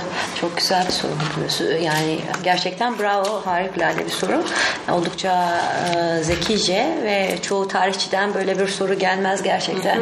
E, bir kere e, gerçekten çok zekice bir soru. Hocam farklı E, yönlerden bakmak önemli işte. Kesinlikle, Hani bir kesinlikle, şey var. bravo. Tarih Ee, nedir diye bir, bir şey anlat, fıkra anlatayım. hocam. Buyurun Yani hocam. Çocuklar sıkılınca. Tamam. Yani Buyurun derste hocam. Çocuklar sıkılınca fıkra anlatır. Şimdi tarihçilik nasıldır? Tarihçilik ayı avına benzer. Şu ayı avına gider ama yok. Yani Doğal olarak yoktur galiba. ben Kastamonluyum hocam. çok güzel. Bizim oranın ayısı meşhurdur. Şimdi ta, e, ayının postu affedersiniz çok şey kalın olduğu için atışı yaptığınız anda ilk onu seferde vurma şansını, öldürme şansınız yok. Birkaç defa atış yapmanız lazım. Fakat atışı yaptığınız anda ayı yani hafif bir yara alıyor ve atışı yaptığınız yere saldırıyor. Onun için sürekli açıyı değiştirerek birkaç yerden atış yapmanız lazım. Tarihçilik de böyle bir şeydir. Yani tek bir açıdan baktığınız zaman büyük hata yaparsınız. Onun için e, ayı avında olduğu gibi 4-5 açıdan değiştirerek ayı vurabilmek için yani tarihte de bilgi edinebilmek için e, tarafına yeni bir katkı. e, evet böylece yeni bir e, e, ne bileyim dokümanteri bir e, e, fabul tarzı bir katkıda bulunmuş olduk. Çok güzel, çok böylece güzel. sıkıntıyı da biraz gidermiş olduk. Buyurun hocam. Bravo. Yani bu genel bu girişten sonra nasıl e, bilmiyorum ne diyeceğim. Şimdi öncelikle tabii bu çalışmanın tamamlanması lazım. Ee, sorunuza daha doyurucu ve doğru bir e, cevap verebilmek için. Ama e, çok açık bir biçimde şimdiden şu söylenebilir. Bu dönem merkezileşme çok önemli bir strateji. Yani Osmanlı Devleti Kudüs'teki yöneticinin önüne çok fazla inisiyatif almasını istemiyor. Ee, yani dolayısıyla ister istemez mesela biz e, yerel kurumlara verilen halk da bunun farkında. Yerel kurumlara verilen toplu dilekçeler aynı anda sadrazama da gidiyor. Aynı anda dahiliye nezaretine de gidiyor. Yani basitçe söylemek Kontrol gerekirse e, kasaplar mesela bir vergi şikayeti var. Kasapların verdiği şey çok önemli bu noktada. Bir de e, kasapların verdiği o toplu dilekçede Yahudi kasap da var, Hristiyan da var, Müslüman da var, Süryalisi de var, şu da var, bu da var. Yani kasap milleti kimlerden oluşuyorsa onların yaptığı bir şey. Ve bu e, dilekçeyi bakıyoruz belediyeye de veriyor. Ondan sonra e, şeyle telgrafla e, sadrazama ve aynı anda dahiliye nezaretine de veriyor. Yani halk da bunun farkında. Artık eskisi gibi Dilekçelerden valinin evet kullanıyor. kullanıyor. E, eskisi gibi valinin şahsi inisiyatif çok Sümen fazla almadığının, Evet. alamayacağının farkında. Çünkü o tanzimatın getirdiği en önemli mesele bu. E, şahsi inisiyatiften yani kişinin e, istediği gibi bölgeyi yönet yönetmesi özgürlüğünü bitiriyor Tanzimat. O bürokrasiyi oluşturuyor ve mümkün olduğu kadar kurumlar üzerinden merkezi etkin kılmak. Ee, halkın da bunu gördüğünü ve bu doğrultuda daha ziyade merkeze başvurmayı ya da aynı anda hem ona hem ona başvurmayı tercih ettiğini görüyoruz. E, dilekçeleri ne kadar dikkate almış, ne yapmış alıyor. Dikkate alıyor. Yani dilekçeleri bağlı olarak çıkmış iradeler var. Nitekim bu dilekçelerin çok biz paylaşmadık sizinle. E, aslında paylaşmalıydık. E, böyle güzel sorular geldiğine göre. Dilekçelerin çıktığı tasniflerden en önemlisi irade tasnifleri. Yani irade, İrade. tasnif. Padişahın hükmü. Yani irade dosyalarını açıyorsunuz. Böyle bir dosya o. Padişahın hükmü var. Hükmün çıkmasına vesile olan e, dilekçe de onun altında. Ya, mü- mühimmeler de aslında 16. Yani o var. kadar önemsiyor Osmanlı Devleti. Zaten kanun esaside de e, toplu dilekçe verme hakkı madde olarak 14. madde olarak geçiyor. Yanılmıyorsam yani e, bugün galiba yok öyle bir şey ama yani o dönemde var. Erken dönemde mesela özgürlüğü kısıtlayan çok önemli bir unsur var. Eğer eşraf taifesi kadı ile birlikte ise e, kadıya sunulan dilekçe kadı sümenat edebiliyor ya da dilekçedeki isimleri değiştirip mesela benim ahkam kayıtlarında gördüm ashab-ı araz diyor. Yani isimleri değiştirebiliyor. Yani e, görmezden gelebiliyor. E, ya da işte genel bir tabir kullanarak ashab-ı arazdan olanlar e, diye tabir edip e, kendi yandaşlarını korumaya çalışıyor olabiliyor. Ben bir şey daha başka soruyorum. Buyurun. Sen bütün hocalarımızın saha tecrübesi yani bize Kudüs'te hem e, yani tarihçi olarak ve işte Cengiz hocamız öyle Orta Doğu siyasi vesaire anlamında yani şeyi biraz daha geliştir, genişletmek anlamında. Şimdi e, sosyal bilimcilere yönelik bir tavsiye kabiliğinden sormak istiyorum biraz da. Çok kaynayan bir dinamik bir şey var, toplumsal yapı var. E, Orta Doğu sosyolojisi, iktisat vesaire bağlamında. Sahayı da bizzat gözlemlediğiniz için e, arşiv belgeleri ve tarihçilik, bu manadaki tarihçilik kısmı dışında e, sosyoloji mütehassıslarına, yani söyleyeyim işte psikoloji, iktisat mütehassıslarına yani o toplumsal dinamiği yakalamak, oraya dair araştırma projeksiyonları sunmak adına e, araştırma konularını diyelim yani şu meselelerin üzerine gidilebilir. Mesela bir sosyolog, efendim söyleyeyim bir iktisatçı, e, bir toplum bilimci.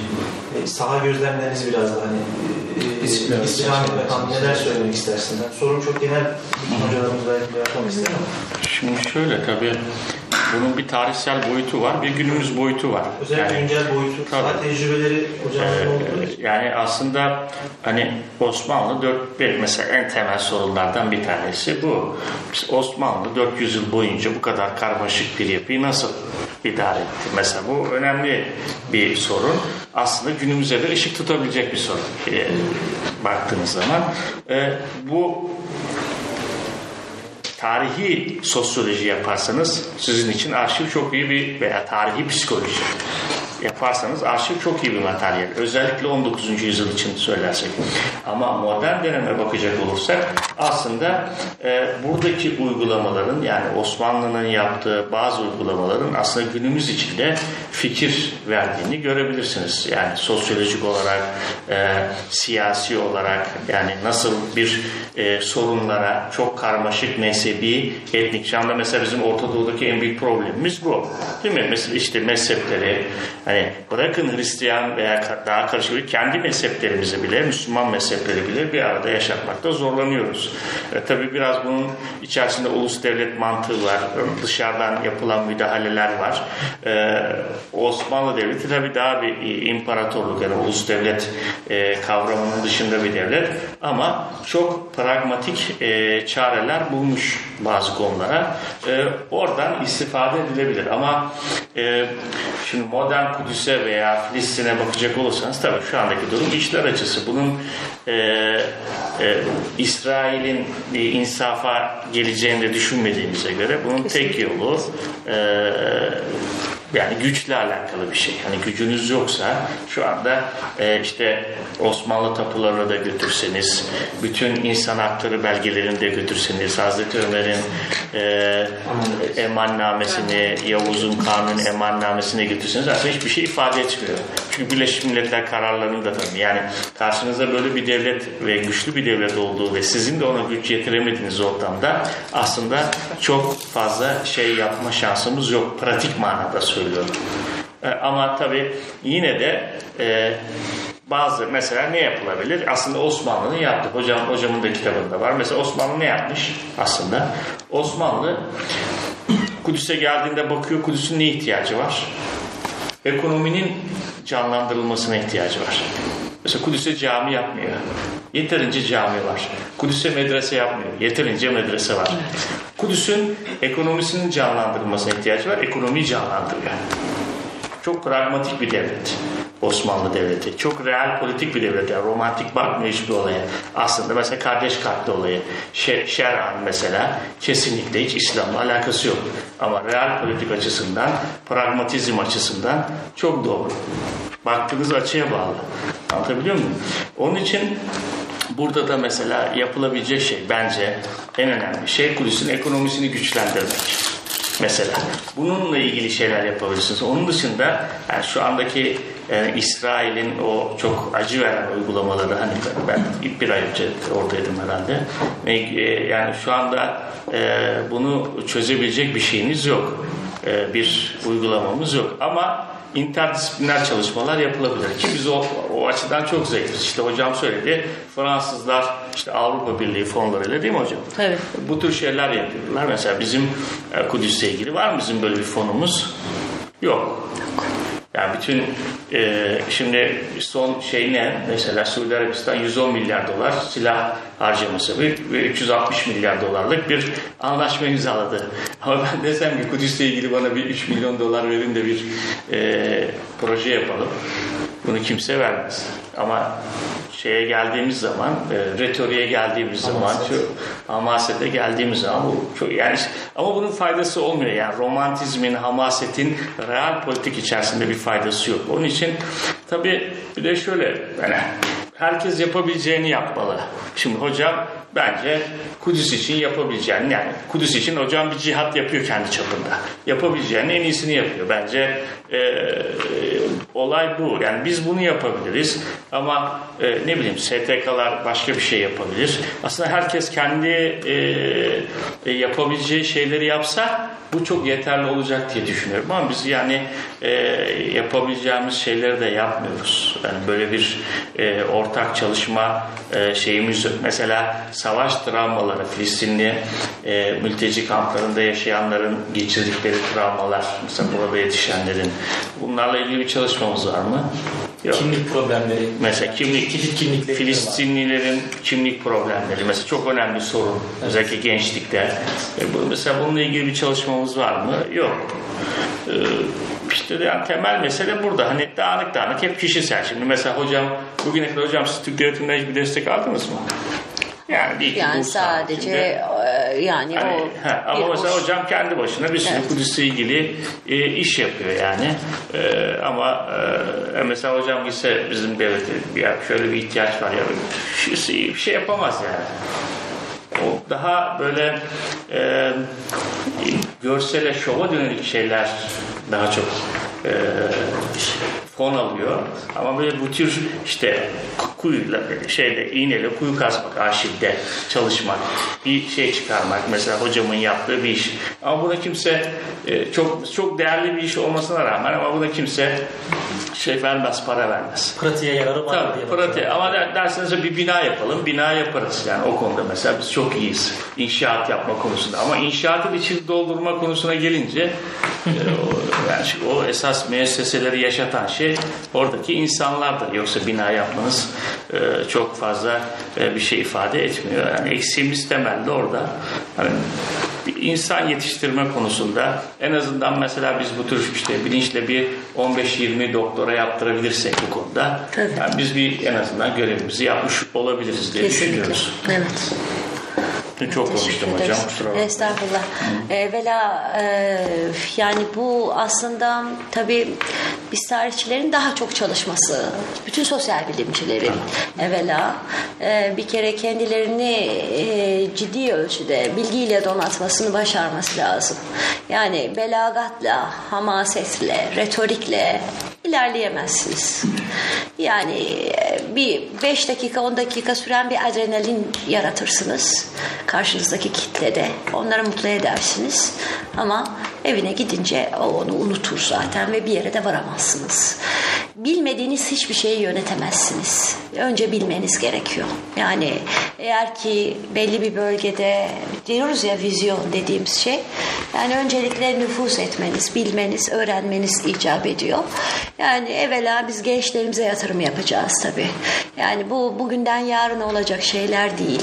Çok zaman isteyen şeyler. Ama bu farkındalığın oluşması, gençlerimizde ilginin doğması bizi çok mutlu edip heyecanlandırıyor.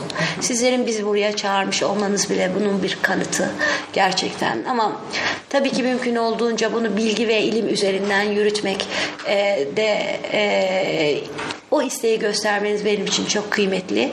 E, hatırlarsanız sizinle yaptığımız telefon konuşmasında e, Kudüs üzerine Türkiye'de kimse çalışmıyor. E, çok az olduğunu fark ettik de, demişdiniz. Yani gerçekten güzel bir şey. Bunu fark etmiş olmanız güzel. Mevcutlara değer vermeniz e, güzel. Bilgiye değer vermek güzel. Bu zaten olduktan sonra diğerleri hepsi gelecektir. E, hocamın söylediği gibi disiplinler arası çalışmalar, ortaklaşa çalışmalar, kişisel husumetlerden kurtulabilmek, e, mümkün olduğunca e, birlikte çalışmaya her zaman gönüllü olmak e, bu çok önemli. Ben öğrencilerime hep diyorum e, yani ben e, bir 10 sene sonra olmayacağım ama siz 3-5 kişisiniz. E, birbirinizle olan temasınızı arttırın. E, çünkü çok az bakın 3 tane e, hocam tabii ki biraz daha hani memlük dönemi olduğu Evet, için hocam çok özür dileyerek e, sizi saymadım. E, ama mesela bir iki öğrencimiz daha var Kudüs üzerine çalışan. Yani birbirleriyle olan teması arttırmaları gerekiyor. Başka disiplinlerle e, ilgili çalışmalar yapan kişilerle yine e, çok disiplinli çalışmalara girmeleri gerekiyor. Ve tabii ki en önemlisi mutlaka orada yaşamaları gerekiyor. Yani Kudüs öyle bir şehir ki içinde yaşamadan e, Aslında her şey orada böyle bulunmadan her Yani şey öyle ama belki Kudüs için bir kere daha hocam. doğru. Çünkü gerçekten çok farklı ve çok e, nevi şahsına münhasır gerçekten öyle. Tümüyle kendine has bir şehir. O yüzden orayı e, bilmeden, orada yaşamadan, orayı hissetmeden, koklamadan çalışamazsınız. Bu mümkün değil.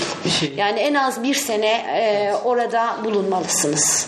Yani bütün e, bence sosyal bilimcilerin buna ne çalışırsa, ne yaparsa yapsın özel önem vermesi lazım. Tarihçilerin de özellikle arazi çalışması diyorum. Hep ben çocuklara da, bir, birinci sınıflara da dersim var.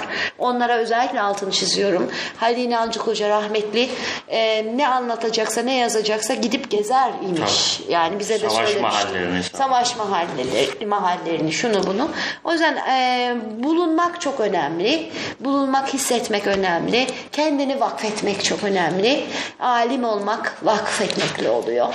E, yaşam tarzı edinmekle oluyor. Zaten bunlardan keyif almıyorsan bu işlere hiç girmeyeceksin. Zulümdür çünkü. Para da yok zaten. Para da yok. Valla yani e, biraz hani o acıdan, o maceradan keyif alıyorsanız aday olunuz. E, ben itibar kazanırım, şöhret kazanırım, para kazanırım e, diyorsanız hiç olmayınız. Aksi takdirde bu zulümdür. Başka bir şey değildir. Şey Açık söyleyeyim ben. film Evet. Pa- Passion of Jesus diye. Hani İsa'nın çilesi biraz da öyle Kudüs böyle yani. Öyle, öyle, Çile öyle. çekiyor. Çileli bir e, şehir kesinlikle. Evet. Çile deyince ben hemen birkaç bir şey ilave edeyim hocam. Ee, hem sizin sorunuza cevap olur. Ee, Az önce yemekte de birkaç bahsetmiştim. Yani Kudüslerin o kimliklerin soyut hem soyut olarak hem somut olarak o kimlik e, ikilemini ele almak lazım. Onları o anlamda anlamak lazım. İşte bahsettim ya e, Allah'tan mı daha çok korkuyorlar, Yahudi polisten mi daha çok korkuyorlar? Gibi çok fazla ikilemde kalan hocam Filistinlilerle karşılaştırıyor. Hocam bizde de var yok hocam. Bakandan mı korkuyorsun, ben- Allah'tan mı mesela? Ee, yani ben Veya YÖK başkanından mı, rektörden mi de Allah'tan. Yok, iyi, ben Birey- o ikilimi yaşıyorum ben yani. birey olarak çok ben birey olarak çok Sadece karşılaştım. Filistinlerde yok yani.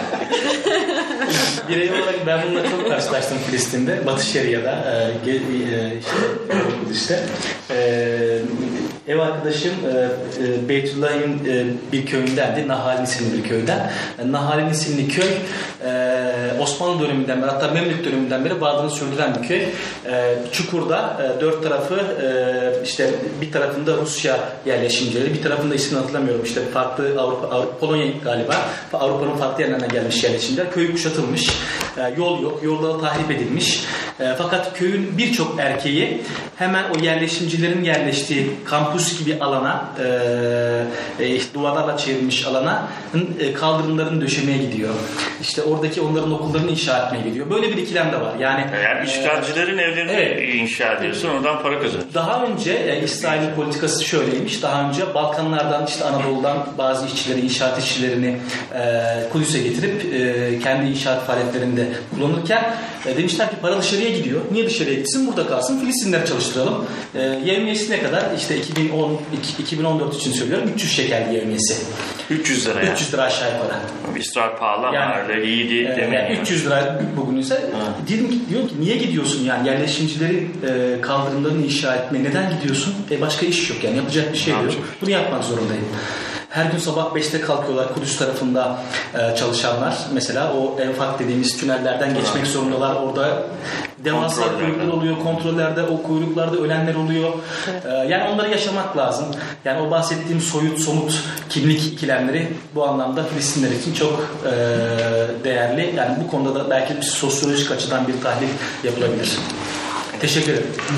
Evet çok var mı soru? Hocam ben şu iki soruyu sormasam şey olacaktı yani şey değilse. Kısa olsun bak işim var. Birincisi hocam yani Kudüs çevresindeki insan da Arap toplumu sonuçta. Acaba 19. yüzyıl ve 20. yüzyıl başında mesela hani Mekke'de vesaire ortaya çıkan bir takım Arap hareketlerinin Kudüs'teki o modernizasyon, o Hücum Türklerin e, müdahaleleriyle olmamasının ya da bilmiyorum belki de olmuştur. Olmaması nedeni neye bağlayabiliriz? Yani bir Arap Arap milliyetçiliğinin milliyetçiliği, olmaması mı? isyan böyle bir şey hani bir hani e, mesela e, şey Kral Abdullah'ın hatıralarından bildiği şey yani diyor, bunlar diyor Mekke'ye kadar şeyi uzatarak demir yolunu uzatarak burayı iyice merkeze bağlamaya çalışıyorlar. Hani dolayısıyla biz ondan böyle bir şey istemiyoruz ya. Buranın şeyine ilişkin bir e, problem yaşıyoruz diyorlar. Ama mesela hani tasarruf, tasarruf kuruluyor başka türlü işte o e, gayrimenkul olayı. E, Kudüs'te böyle bir şey olmuyor. Direkt merkeze bağlı bir yapı oluyor. Bu birinci soru. İkinci soru da şu. 19. yüzyıl işte Avrupa modernleşmesiyle birlikte bu sanayileşmeyle birlikte aslında biraz o sermaye gruplarının da e, ham madde aradıkları bir bir kapitalin e, bir içitleme olarak var olduğu bir şey. İşte sanki hocamın anlattığında biraz onu anladım.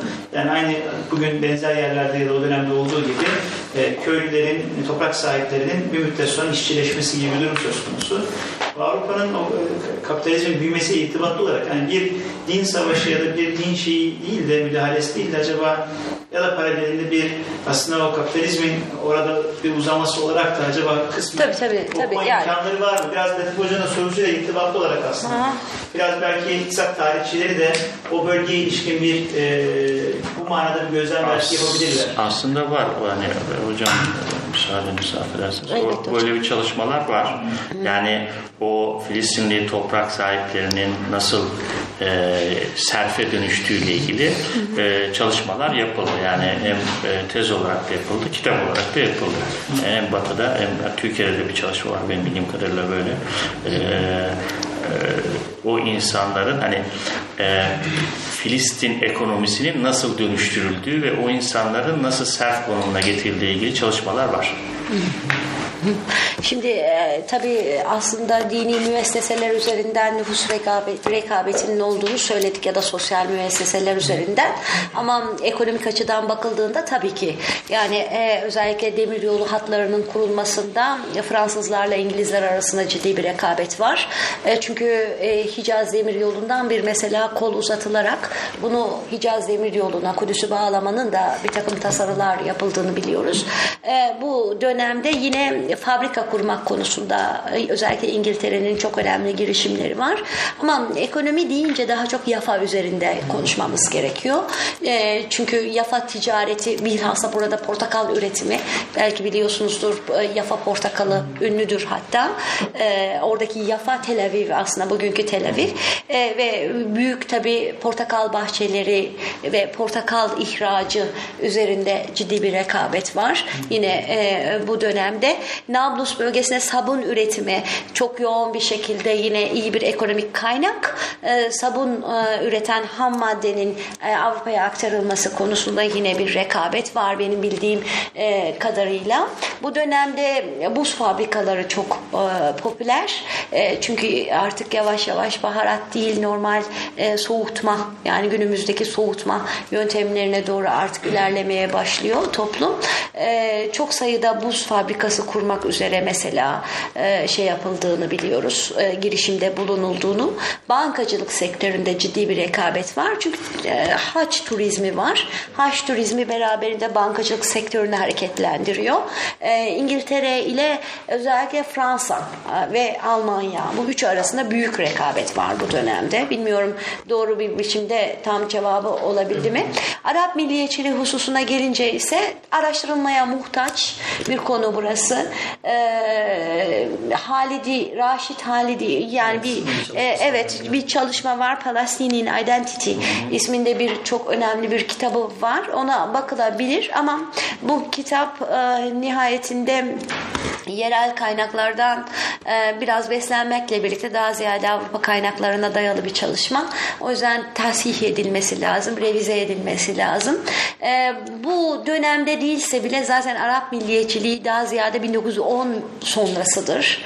Hasan Kayalı'nın çok önemli bir kitabı var. Bu doğrultuda herkese öneririm merak eden arkadaşlarıma. Arap milliyetçiliği Hasan Kayalı'nın. E, asıl 1910 dan itibarendir. Ve Kayalı'nın tezi burada çok önemli. Der ki e, Türk milliyetçiliği ne bir cevaptı? Arap milliyetçiliği. Reaksiyoner bir bir reaksiyoner bir şeydi. Yani e, ve e, özellikle Jön Türk hükümetinin başlatmış olduğu e, aşırı Türkçü politikalara bir cevap olarak Arap milliyetçiliği verildi. Bu kitaplara bakılabilir. Özel olarak ben bu konuda çalışmadım. O yüzden belki tatmin edici bir cevap veremiyorum size. Ama bu ikisi özellikle son derece önemli iki çalışmadır. Buradan e, faydalanır bilinir, bilinir bu e, sorular için.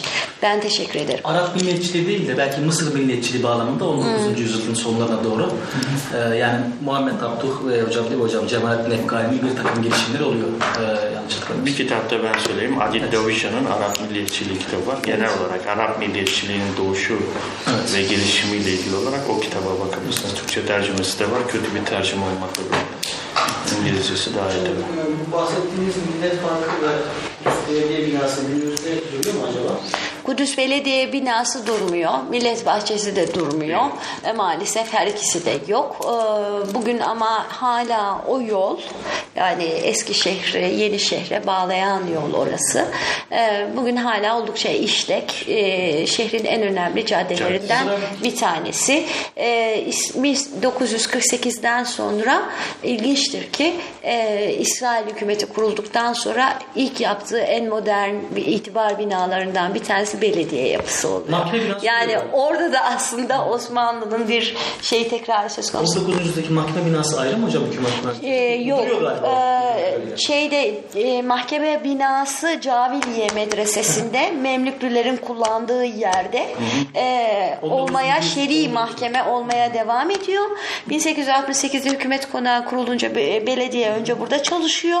Ondan sonra 1899'da Yafa yolu üzerinde modern bir yapı kuruluyor. Bu kadar ilgi çekeceğini bilseydim fotoğraflarını da getirirdim aslında. Erken dönemde Tenkiziye Medresesi de mahkeme olarak kullanılıyor. Onu bilmiyorum. Evet. Onu bilmiyorum. Medresesi. Ama o 18. yüzyılda 16. Caviliye Medresesi. Evet, evet. 19. yüzyılda Caviliye geçiyor. evet, Tamam. 18 sonunda ve 19 başlarında yani hükümet konağından önce biz Caviliye Medresesi'ni asıl e, o Memlük Sarayı'na yakın bir mevkide o e, olduğunu e, kayıtlar söylüyor. Tenkizi 14. yüzyıl başı dönem Osmanlı kullanıyor. Hocam bir de Kudüs haç yolunda değil dedik ama Değil. e, o zaman coğrafi olarak Filistin'den herhangi bir yerden geçip geçilmiyor mu yani?